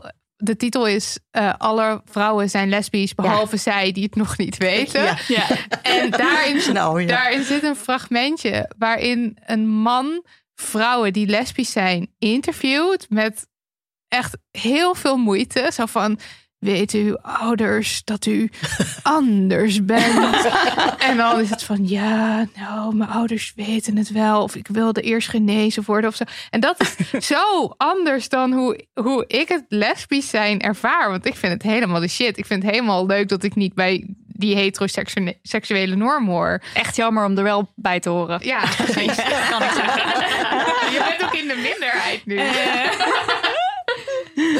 Dus ja, nee, ik wil het nog even. Dat, dat- ik ben dan zo blij dat dat, die- dat dat gebeurd is en dat jullie dat gedaan hebben, waardoor ik me dus nu zo voel. Ja, Dat is echt fantastisch. nee, ik, de- ik denk ook dat. Ja, nou, dat is ook echt iets waar we, wat we heel erg koesteren. Dat we ehm, een, een voorloper zijn geweest en dus een ruimte hebben gemaakt om Ja. Voor anderen om Ja. zich eh, gewoon ehm, ehm, zichzelf te voelen en lekker te voelen en, en fijn en eh, niet meer een zielig geval te zijn die eh, eh, nou ja, zichzelf eh, moet verbergen. Ja, Oude vrijster.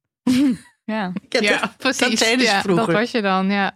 Maar sowieso dat de, de, de lesbische beweging zoveel betekend heeft voor het feminisme, is denk ik voor heel veel mensen ook al niet meer iets wat ze duidelijk weten. Denk, of dat is ook bijvoorbeeld de eerste homodemonstratie, dat ook echt lesbische vrouwen daar massaal Nou, achter zaten. Heel veel vrouwen hebben natuurlijk eh, meegestreden. Maar wij hadden veel meer tijd. Omdat wij niet naar huis hoefden om voor de kinderen of voor de man te zorgen. Oh, echt letterlijk handen gewoon vrij. Ja, we hebben 24 uur per dag. Ja, Ik weet wel, ik ging geloof ik alleen naar huis om te slapen. En dan... eh, Actie, actie. actie, actie. ja. ja. En wat was dan jullie eerste, eerste activistische daad? Weten jullie dat nog? Ik denk dat het voor mij de, bezetting was van de Portugese ambassade. was in 74 geloof ik. Ehm, toen had uh, Mieke van Kasberg had het idee om... eh, die, die hoorde van de drie Maria's in Portugal. Die werden opgepakt en in de gevangenis to- gestopt... omdat ze over zichzelf schreven en, dat, en daarover publiceerden. Eh, en dat vonden de, Portuge- de Portugese autoriteiten vonden dat porno. Dus werden ze in de gevangenis gezet. Dus wij gingen die ambassade bezetten. Dat was echt fa- fantastisch om dat te kunnen doen. Weet je, we hebben helemaal een script uitgeschreven. Auto, Een auto plan met de auto, ook, plan ja, zo van getekend. daaruit stappen. En we hadden allemaal een papiertje bij ons, want we wisten dat je niet je naam moest zeggen, niet je adres, maar eh, we schreven erop van, eh, nou ja, wij, wij, wij eh, eh, bezetten daar en daarom eh, de ambassade, punt. Echt geweldig. Ja, en het wa- was echt geweldig. En was het heb niet heel eng? Maar, ja, het was ja, met kloppend hart. Ja. Het, was, eh, het was heel, en heel eng. maar je moest ook je eigen media organiseren. Dus dan werd eh, Eva Besneu gebeld. En dan we zeiden ze tegen Eva Besneu... we gaan de ambassade bezetten. En die stond dan al twee uur lang voor die ambassade. Dan, was ze al, dan had ze al de hele boel verdacht gemaakt met haar camera klaar. Had je dat zo goed uitgedacht? De camera daar al. Ja. En dan maakten ze die foto's. En dan, die werden dan aan de pers gegeven. En dan had je wel publiciteit. ja. Ja. Want Ja, anders gebeurde er niks. Dat, vind- dat vind ik ook wel verfrissend aan die docu. Want je denkt dan van, goh, zoiets bezetten. Want er wordt ook een abortuskliniek wordt op een gegeven moment... eh, wordt- Dat is Ja. ook heel, heel, heel Maar- belangrijk. Ja. Maar je denkt, tenminste als ik eraan denk, denk ik van... oh, dat is iets heel ingewikkelds, iets heel moeilijks. En maar misschien jullie wel iets gevaarlijks met geweld het of zo, gewoon. maar dat is niet. Nou ja, als je, eh, in 1981 bij de abortusdemonstratie, eh, omdat weer werd afgekeurd en weer eh, lag de VVD dwars. eh, en als je ziet hoe er dan gemapt werd, want de politie was niet zachtzinnig, hè, er Nee. werd keihard geslagen hoor. Oh ja, Ja. ja. Hebben jullie dat ook wel eens meegemaakt? Dat je gewoon zelf ook echt, on, dat je in zo'n nee, groep ik heb, eh, ik heb het niet meegemaakt. Gelukkig Maar eh, ik weet wel, ik weet van een heleboel vrouwen die het wel hebben geme- meegemaakt. Ja, Maar bijvoorbeeld de, de bezetting van de Bloemhovenkliniek, dus de Dat abortuskliniek. eh, dat is de kliniek, dat was de kliniek in Nederland waar eh, eh, de enige plek waar ook gevorderde zwangerschappen konden afgebroken worden. Ehm, maar dat ging heel geleidelijk, die, die bezetting. Eh, eh, ik was er niet bij, maar eh, Marjan Saks en nog een paar anderen die liepen gewoon naar binnen en die eh, eh, gingen voor een deur staan. En toen was, toen was, toen was, het, bezet. Toen was het bezet. ja En toen geweldig. zijn we wel met en masse zijn we daarheen gegaan. Eh, echt, en toen hebben we wekenlang eh die bezetting volgehouden. Ja. En heel veel media. eh, eh, Ja, toen was er wel media-aandacht, omdat eh, meestal in, eh, in, in- wordt abortus weer actueel als er politieke verkiezingen, als er verkiezingen zijn. Ja. Want dan is het ook veilig idee om je achter abortus te verschuilen. Want dan hoef je het niet over andere belangrijke issues te hebben. Maar dan komt de abortus weer boven. En nu is de abortus ook weer actueel. Ja. En over een Ja. half jaar Ja. hebben we verkiezingen. En het is onvoorstelbaar. demonstraties. Het is onvoorstelbaar dat dat steeds weer moet je daarvoor strijden. Dus dat bedoel ik ook met waakzaamheid. Dat, het, dat je alert moet zijn en gewoon weer de straat op moet gaan. Ja, het is Ja, niet, en het- niet vanzelfsprekend dat je, Nee. dat je als je die rechten eenmaal verworven hebt, Nee. dat die ook verworven Ja. blijven. En het gaat gewoon over zelfbeschikking. Hè? Ja. Baas in eigen buik is een leuke, leuke leus. Maar het gaat over een heel serieus en ingrijpend eh, concept. Dat, een vrou- dat vrouwen over hun eigen lichaam mogen beschikken. En niet uh, uh, onderhevig zijn aan allerlei dwangmaatregelen, waardoor ze geen zeggenschap meer, meer hebben over, over zichzelf en over hun eigen lichaam. Dus echt een, wordt echt een heel belangrijke. Ja, en dat nu, anno 2020, gewoon weer mensen lastig worden gevallen die daar naar binnen lopen. Ja, ja. Dat is onvoorstelbaar, maar dus daar moet je echt ook iets tegen doen. Ja. Ja. Dus in, in die tijd hebben we ook uh, deze hele serieuze en hele uh, uh, ingrijpende maatregelen hebben we voortdurend wel gemengd met een soort humor en ja. creativiteit en elan en dynamiek. En het was gewoon een hele tintelende tijd, omdat het al die aspecten van het leven, van een vrouwenleven eigenlijk behelste.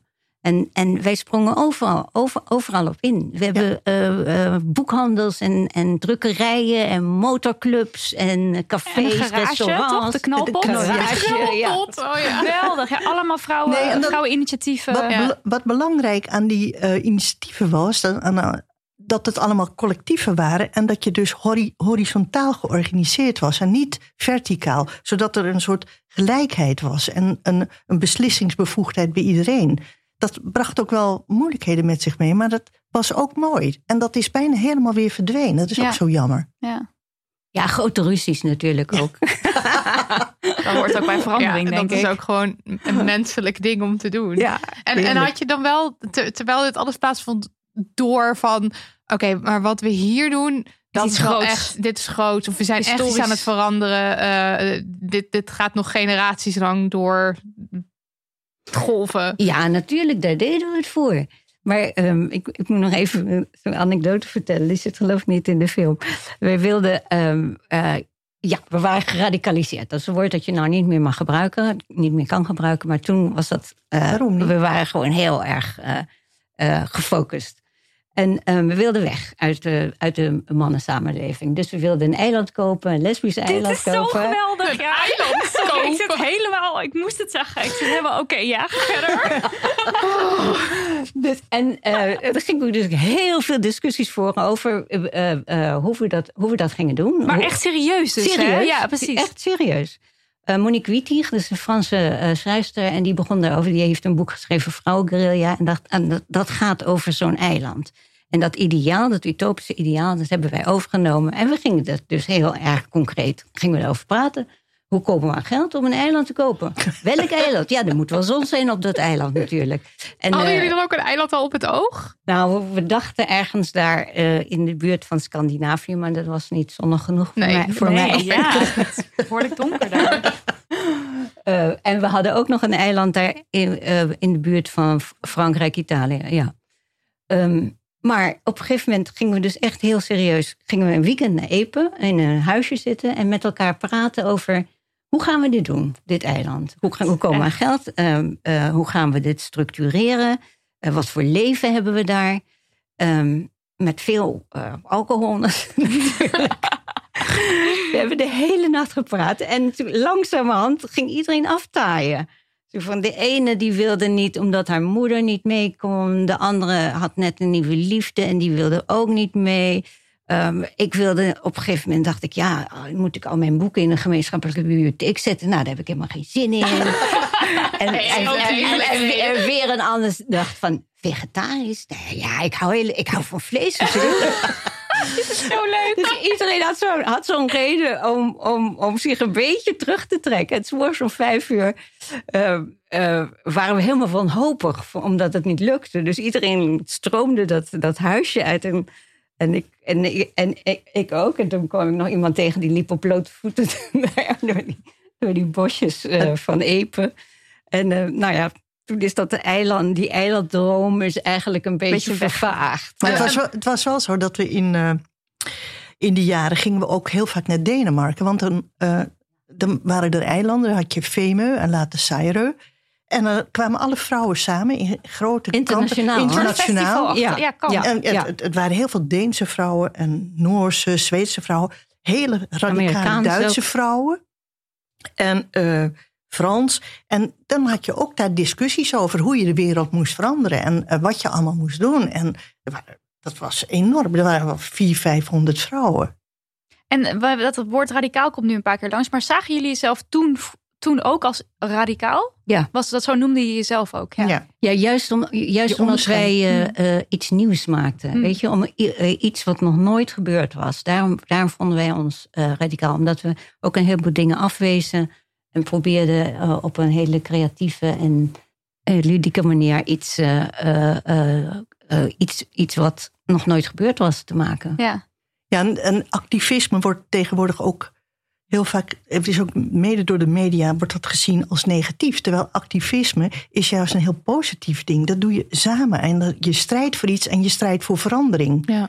Eh, Nu met de Black Lives Matter worden de mensen ook afgeschilderd als negatief activistisch. Dat is helemaal niet zo. Zij willen andere dingen voor elkaar krijgen. En dat krijg je niet voor elkaar om achter, eh, om braaf eh, iets te noemen. Nee, en dat is natuurlijk al lang genoeg geprobeerd. Het lief zijn en het En- meepraten en dus- overleggen. En op een gegeven moment is het dan klaar. Ja. Ja. activisme moet je. Ja, dat is een positief woord. ja. En Nettie, is er voor jou ook nog een, eh, een actie of een demonstratie of iets wat er echt uitspringt voor jou? Van nou, toen, dat was echt. Nou, het was één grote rollercoaster. Ik, ik, Ja. ik, Actie ik nou, ben er helemaal nou, door. actie. de- Ja. ik- dat, het was je leven. Ja. En ja. het heeft je ook veranderd in eh, de persoon die je, die je nu bent. En eh, als ik nu naar demonstraties ga, zoals onlangs de demonstratie voor Moria, dat, dat het schandelijk is dat ze maar 500 kinderen willen opnemen, dan loop ik naar dat museumplein, dan kom ik alleen maar bekenden tegen. Want al die vrouwen van toen, niet allemaal, maar er staan er wel heel veel. Die Ja. staan er dan gewoon weer. Ja, dat vroeg ik me nog af van, is, het, is dat feminisme, het activisme iets van een beetje van vroeger? Of is dat dus nog steeds onderdeel van je bestaan? Dus bij jou, je bent nog steeds aanwezig bij demonstraties. Neem nu mijn kind mee. Ja, ja. Ja. En Pamela, voor jou? Eh, ik, ik minder dan Nettie, maar ik eh, doe heel veel lezingen. En daar, eh, daar eh, heb ik het natuurlijk altijd over vrouwen. En, eh, de, Activisme in je werk. ja, Ja. precies. Ja. Ja, en, en ik doe dat natuurlijk met films. Ja, tuurlijk, ja. ja.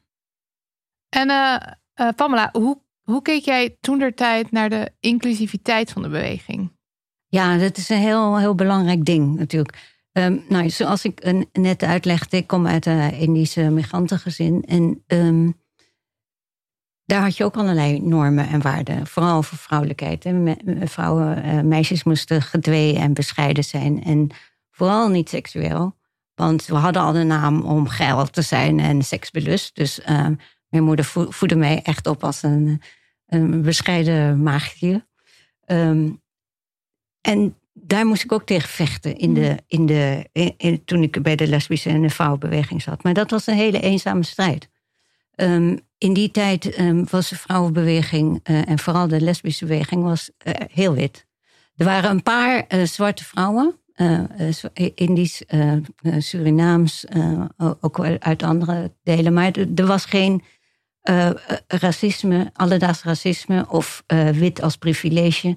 Er waren geen gespreksonderwerpen. Dus daar had je niet een praatgroep Nee. nog voor in die Nee, tijd. die, Nee. die praatgroepen die waren er wel, maar dat, dat, waren vrouwen, dat waren echt alleen maar zwarte vrouwen. Dus, ja. dus die waren niet gemengd. Hm. En die zaten ook niet in het vrouwenhuis erbij. Nee, of die, zo. zaten, nee die, die, zaten, die hadden hun eigen eh, organisaties en hun eigen eh, clubs en, en, en ruimtes.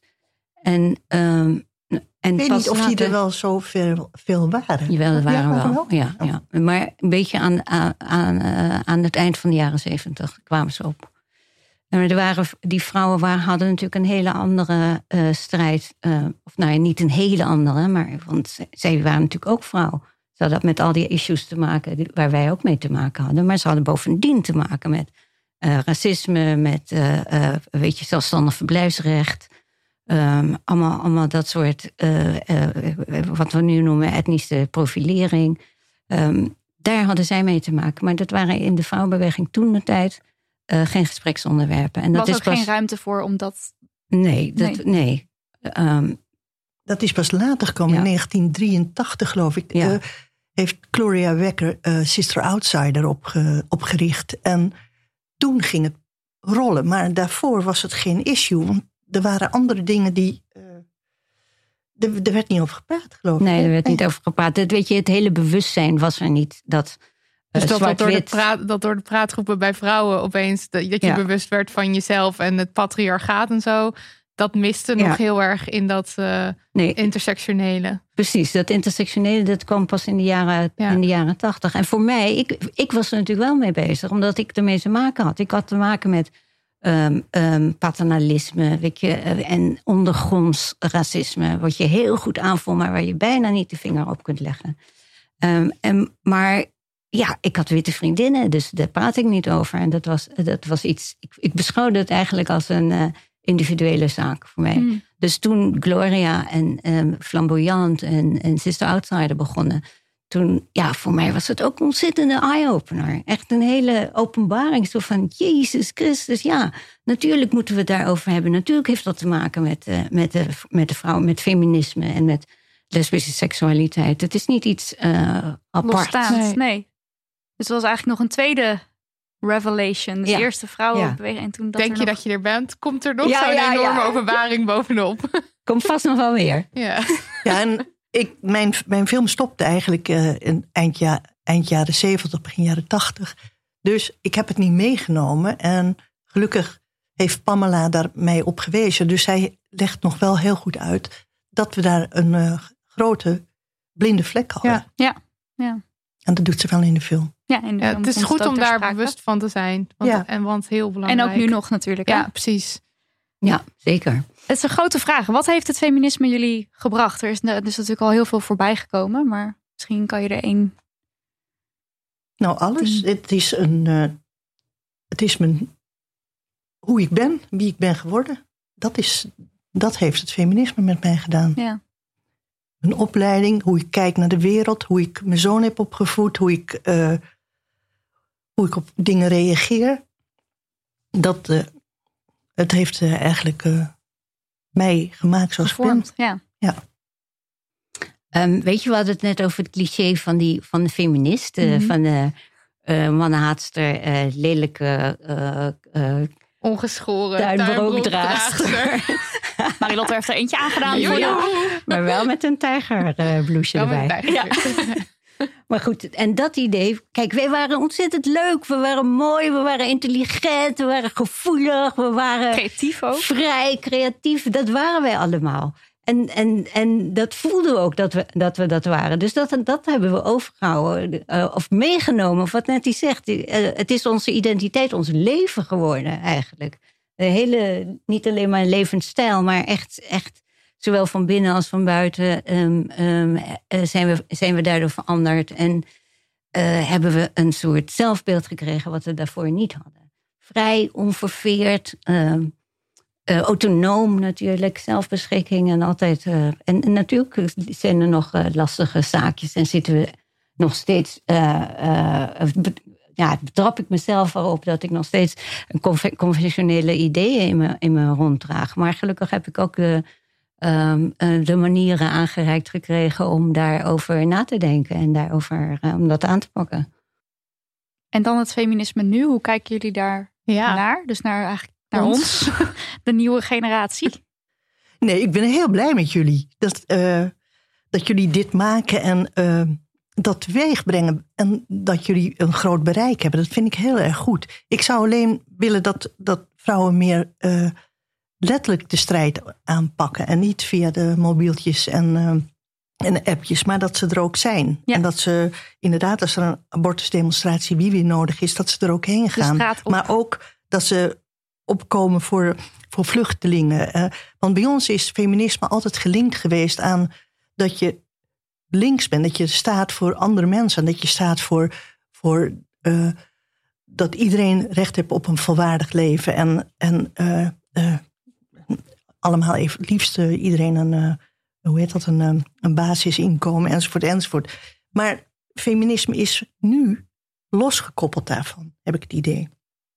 Dus dat, dat je, dat hoort niet meer automatisch bij elkaar. Ja, dus je zou zeggen meer dat ook erbij betrekken en meer actie. Ja. Meer gaan. Meer, Ja. meer de straat op. Want het is wel zo dat het, het internet voor ons bijvoorbeeld, ook de, de mobieltjes, het, Ja. het is de reden dat wij Damn Honey hebben kunnen starten. Ja, tuurlijk. Ja, ik zie dit een beetje als, dus het internet zie ik een beetje als zeg maar de... De, De aanzwengel nou, of zo? Nou ja, een soort van vervanger van misschien wat de praatgroepen dan vroeger of waren. misschien een vervang- vervanger van het vrouwenhuis. Ja, nou zo, je zou dat ergens zo wel kunnen zien. Alleen het echte actievoeren, waar je dus ook heel veel zin van krijgt als je die film ziet. Omdat Ja. het gewoon de ene bezetting na de andere en een demonstratie en spreken op, eh, op de Dam, geloof ik ook rondom de abortus. Dat is wel veel minder. Ja, nee, dat is Eh, waar. ja, het is het- ja, het hashtag feminisme. Het hè? hashtag feminisme. Eh, kijk, en, en eh, eh, ik- ja, ik ben ook, wat, wat Nettie zegt, ik ben ook ontzettend blij toen ik hoorde van Nettie dat jullie bestonden. Nou, dat was geweldig. Echt wauw. Eh, en, eh, en ook die naam vind ik ook echt geweldig van jullie. Ehm, maar, eh, maar. Ja, ehm, heel goed. ehm, Kom maar. eh, ja. nee, ik, ik, ik geloof ook inderdaad dat, in, dat het internet en de social, sociale media ehm, tegenwoordig de communicatiekanalen zijn. Maar tegelijkertijd vind ik het eh, feminisme zoals dat tegenwoordig bestaat eh, ook lui. In de zin van, eh, wat Nettie zegt, er is geen, er is geen actie. Lui en misschien is- ook een beetje laf. Ehm, nou ja, dus zover wil ik niet met. gaan. Nou, ik, wel van een beetje te veel leunend op wat er al is. Ja. Weet je, Ja, want ja. bijvoorbeeld de MeToo-beweging. Eh, ontzettend belangrijk. Eh, Weet je, één op de tien vrouwen heeft, heeft te maken met verkrachting in Nederland. ja. Uh, driekwart van de vrouwen heeft te maken met seksuele intimidatie. Dat, dat zijn allemaal issues waar we allemaal mee te maken hebben. En, en dat daar aandacht aan wordt besteed is fantastisch. En het is ook via de sociale media gegaan natuurlijk. Ehm, maar tegelijkertijd, eh, ja, en nu? Ik bedoel... eh, ja, eh, what's next? Zou, Ja. zou jij dan, wat zou je graag dat er nu een enorme demonstratie komt eh, die MeToo gericht is, zeg maar te- tegen seksueel geweld? Ik weet niet of demonstraties... oh, eh, nou ja, ik vind Nee, demonstraties nu- zijn altijd leuk. Ja. Maar dat er, dat er toch meer. Kijk, sociale media's ehm, maken ook. eh, eh, ik, wil, ik wil niet zeggen eenzaam, maar het zijn wel. eh, eh, het, het bevordert niet echt saamhorigheid. Je blijft heel erg in je eentje Ja, naar dat ja. scherm kijken. Net of- zoals ja. vrienden op, op eh, Facebook. Ik bedoel, wat zijn, dat, dat is iets heel anders dan, dan echte vriendschap. En, ehm, en, en ik zou willen dat eh, de feministen van nu. ehm, gewoon meer met elkaar eh, eh, praten. Ook echt praten. Niet alleen maar over, over sociaal o- over wel- internet. Leuk is, ga ik even opscheppen. Ja, Aan de hand van onze podcast zijn er dus podcastclubs ontstaan door heel Nederland. En voor corona kwamen zij dus samen in, Ja. in cafés of in de bibliotheek Wow, of een plek ja. waar ze dan dus Heel gingen goed. praten over eh, onderwerpen die wij in ons. Dus aan de hand van onze podcast gaan ze dan het hebben Oh, over. goed. Nou ja, iets. Nou, En eh, nou, nu is dat natuurlijk online, Ja. maar dat Ja. komt door corona. Maar Ja. dus, het- het- het- Dus, dus we, we, we, we, er is we wel een wel wil. aan. Ik, Ja. ik denk dat er ook een wil is. Misschien ook. Kijk, als je hoort over die praatgroepen, dan denk je, hé, hey, dat wil ik ook. Maar als je niet weet dat dat een optie is, dan kom je er ook Ja. niet zo snel op Ja. of zo. Nee. En dat is dus ook weer waarom ik die film zo belangrijk vind, omdat het je inspireert van wat, wat kunnen we eigenlijk doen en wat, ja, wat kunnen we meer dan inderdaad online een post maken of Ja, en het is gewoon echt een goed idee om, om te praten met elkaar. Want wij merken het al als duo dat het ontzettend prettig is om gewoon te sparren met elkaar Ja. en verhalen te vertellen. En we hebben dit al volgens mij vaak verteld, maar ook als wij onze boeken schrijven en we vertellen over onze ervaringen. De een stelt vragen, de ander vertelt. En je komt dan veel beter tot een soort beeld van wat Ja. was dat nou eigenlijk? En is het wel echt zo normaal zoals ik mezelf verteld heb? Of is het eigenlijk heftiger of ernstiger? Of wat is nou eigenlijk Ja, je gebeurd? praat dingen snel goed, hè? Zo van, Ja. nou ja, ik heb dat meegemaakt, maar hoe erg was het nou eigenlijk? Ja. Of hoort er een beetje bij? Mhm, en door mhm. samen erover te hebben, Ja, doorbreek je dat. ja. Dus dat. Maar goed, meer actie meer, dus. Meer actie en, eh en, ja er is nog genoeg te doen. Ja, absoluut. En mochten Oh ja. er nou mensen zijn die zeggen: hey, ik wil ook een podcastclubje, stuur maak even een berichtje online en dan delen we dat en dan richt je er zelf eentje op. Ja, graag. Ja. Ja, richt erin op. Ja, doe het. Wat eventjes heel goed nieuws is, is dat de docu waar we het nu over gehad hebben, namelijk De Stad was van ons. Radicaal feminisme in de jaren zeventig. Oh ja, dat is ondertitel Radicaal Feminisme in de jaren 70. Die is eh, gratis te zien, want Nettie heeft hem beschikbaar gesteld. Een week lang via onze website slash de stad was van ons. Daar vind je ook een doneerknop. Dat wil ik ook nog graag een keertje zeggen. Eh, geef Ja, Nettie een aalmoes, want deze film is nu een week lang gratis te zien. En met al deze nieuwe achtergrondinformatie, ik garandeer je mensen, je krijgt hier power van en je wil de wereld veranderen. En Ja. deze film brengt je echt een hoop. Dus ga hem Ik kijken. heb dus echt letterlijk de tweede keer met een, nou niet een notitieblokje, maar gewoon met mijn Met laptop. computer, ja. Heb ik hem zitten kijken. Want toen ik de eerste keer keek, zat ik gewoon al de ene na de andere quote. Dacht ik, dit moet ik onthouden. Zoals eh eh, Maaike Meijer, die zegt geloof ik, eh, ik had een vrouwenprobleem. Ik, wel, ik paste me maar aan. En nou, was vond ik zo'n goede, ja. goede manier van Ja. dat zeggen. Ik had een vrouwenprobleem. Ik was veel te aangepast. Nou, love it. En zo de een na de andere quote waarvan je denkt, wow, dit is echt zo gewoon Ja, dat heet, geweldig. ook, ook een fantastische quote is: de heteroseksualiteit is helemaal niet zo positief. Vrouwen hebben er niks aan of zo. Positief, helemaal niet zo positief voor vrouwen. Wat halen ze er nou eigenlijk uit in heteroseksuele relaties? Ik vond het gewoon zo. Alles is zo heerlijk. Ja, ja dus Eh, hij is nu een week online. Dus ja. trommel iedereen op die, je- die je kent om hem te gaan Ja, kijken. fantastisch. En, Hij eh, duurt een 70 donatie. minuten, dus ga er lekker voor zitten. Ja, en ik zou gewoon nu, als je dit luistert, hem meteen aanzetten. Want dan kan je hem nog een keer kijken over een paar dagen. Want Ja. je wil hem waarschijnlijk nog een keer zien. Ik had hem vanochtend ook alweer aangezet en het is meteen weer genieten. Dus je zit er. Nou, en het is. Ja, nou, het, nou, Dus demony- demony.nl slash de stad was van ons. Ja.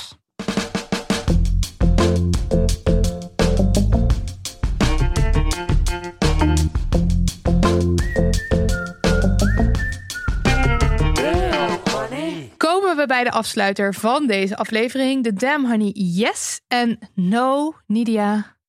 Kom maar door met de no. Ja, nou, wij hadden eventjes een weekje vrijgenomen. Ik denk voor het eerst sinds ons Damn Honey bestaan. Dat we dus hadden bedacht van we gaan eventjes helemaal van social media af. En we nemen even een weekje eh, vakantie. En dat betekende voor mij ook. Op Twitter leer ik altijd heel veel eh, over wat er speelt. Ook van andere feministen die ik volg. Maar ik had het dus allemaal uit. Ik had ook was niet met nieuws aan het checken. Nou, kom je dus terug daarvan.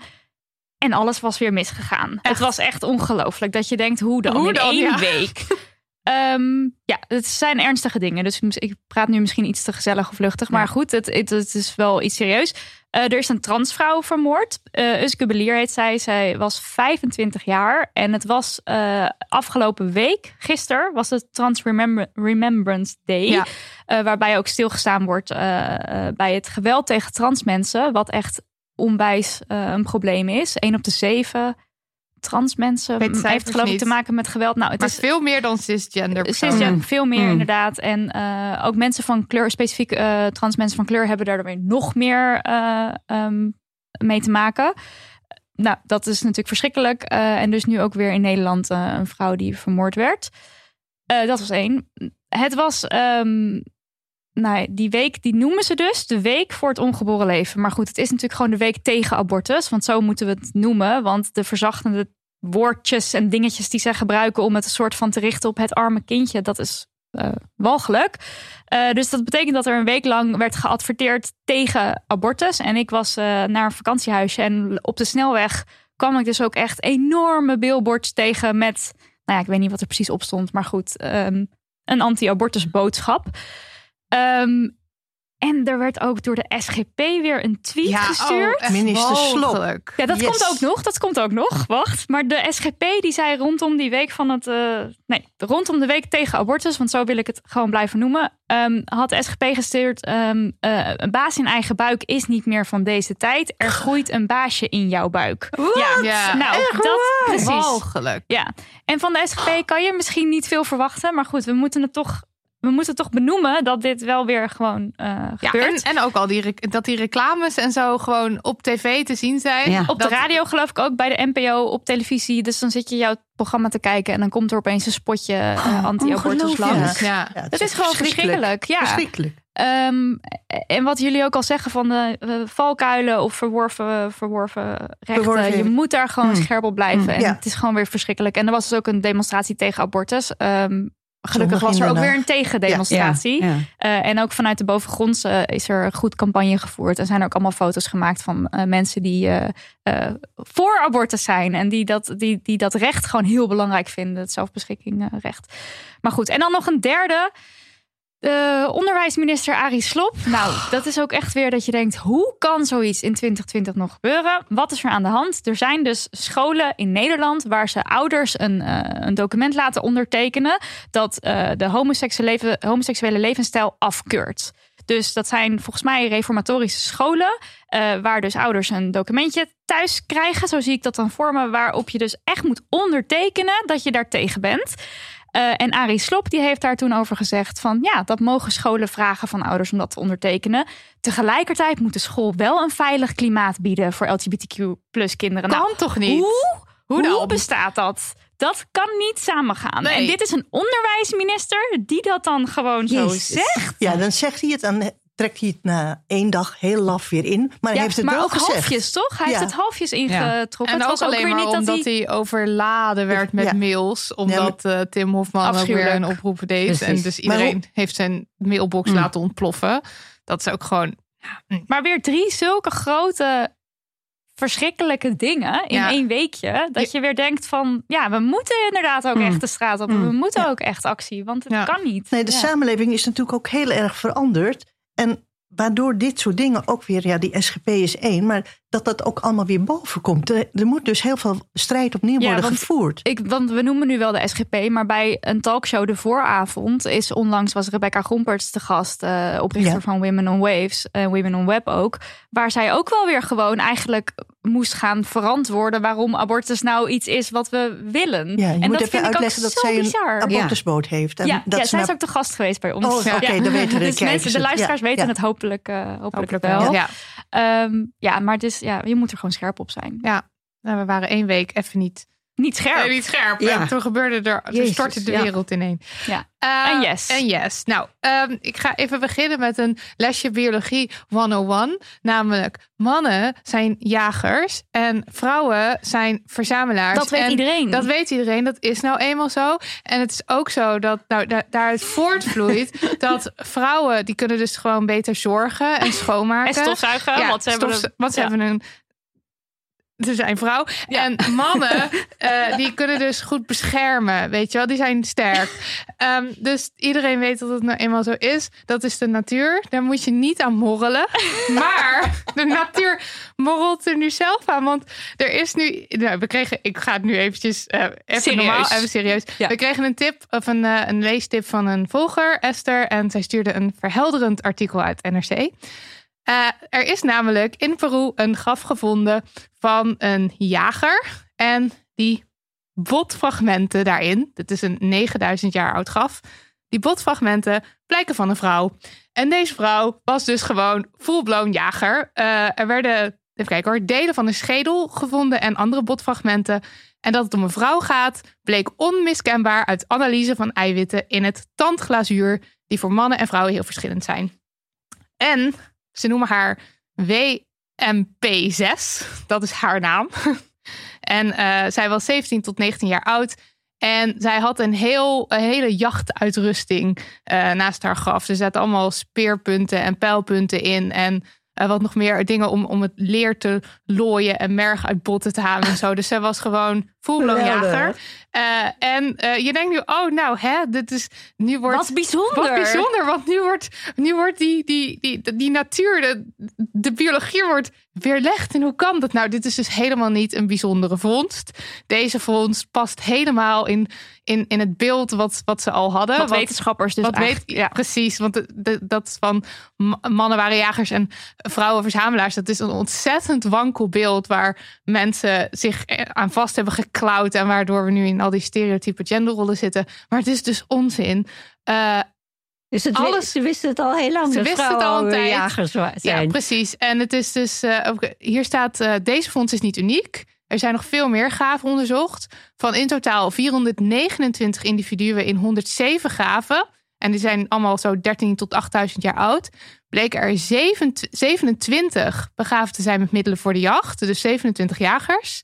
Eh, en daarvan waren er 11 vrouw en 16 man. Dus dat was helemaal niet zo. Ja, Heel goed. want die interviewer die vraagt dan ook van, is dit nou iets bijzonders? En die wetenschapper zou nee, Nee, nee, dat past want gewoon dit is helemaal. gewoon wat Ja. we gewoon al weten. en Wat we, maar iedereen Ja. die blijft maar zo dat, zeggen dat van, oh, mannen waren jagers en vrouwen zorgden Ja. voor de kinderen. En dat is dus echt onzin. En de wetenschap duidt er ook gewoon op dat dat onzin is en dat dat beeld gewoon helemaal niet klopt. Ja, maar ik las ook weer iemand die zei dan van... ja, maar het is toch veel logischer dat de sterke man dan dus de jager is. Maar toen dacht ik, ik heb dus hele slechte ogen al vanaf mijn derde. Maar stel je bent een man met hele slechte ogen... dan ben je dus geen goede jager. Terwijl als je een Ja. vrouw met goede ogen bent... ben je dan dus misschien wel een goede. Ja. Dus wat een onzin dat enkel en alleen spierkracht... Dan een, een, als een- eerste. ja. En dus ook de aanname dat, dat omdat mannen in het algemeenheid sterker zijn... dat er dan dus niet een vrouw is die ook sterker kan, kan zijn. Omdat er zoveel Dus verschillen is zijn gewoon in die groep. dat hele verschil ook, ja. denken, dat moet, dat moet weg. Ja, je wil gewoon de beste, want je hebt eten nodig. Ja, dus je hebt de mensen nodig die voor jou dat eten kunnen regelen. Ja. En dan gaan de sterkste en de mensen met de beste ogen en, En de snelste, snelste, ja. die gaan op jacht.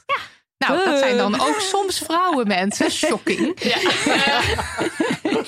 oh, nou ja, ik vond het heerlijk om dat te lezen. Vooral dat stukje dat het dus niet uniek Het is niet bijzonder.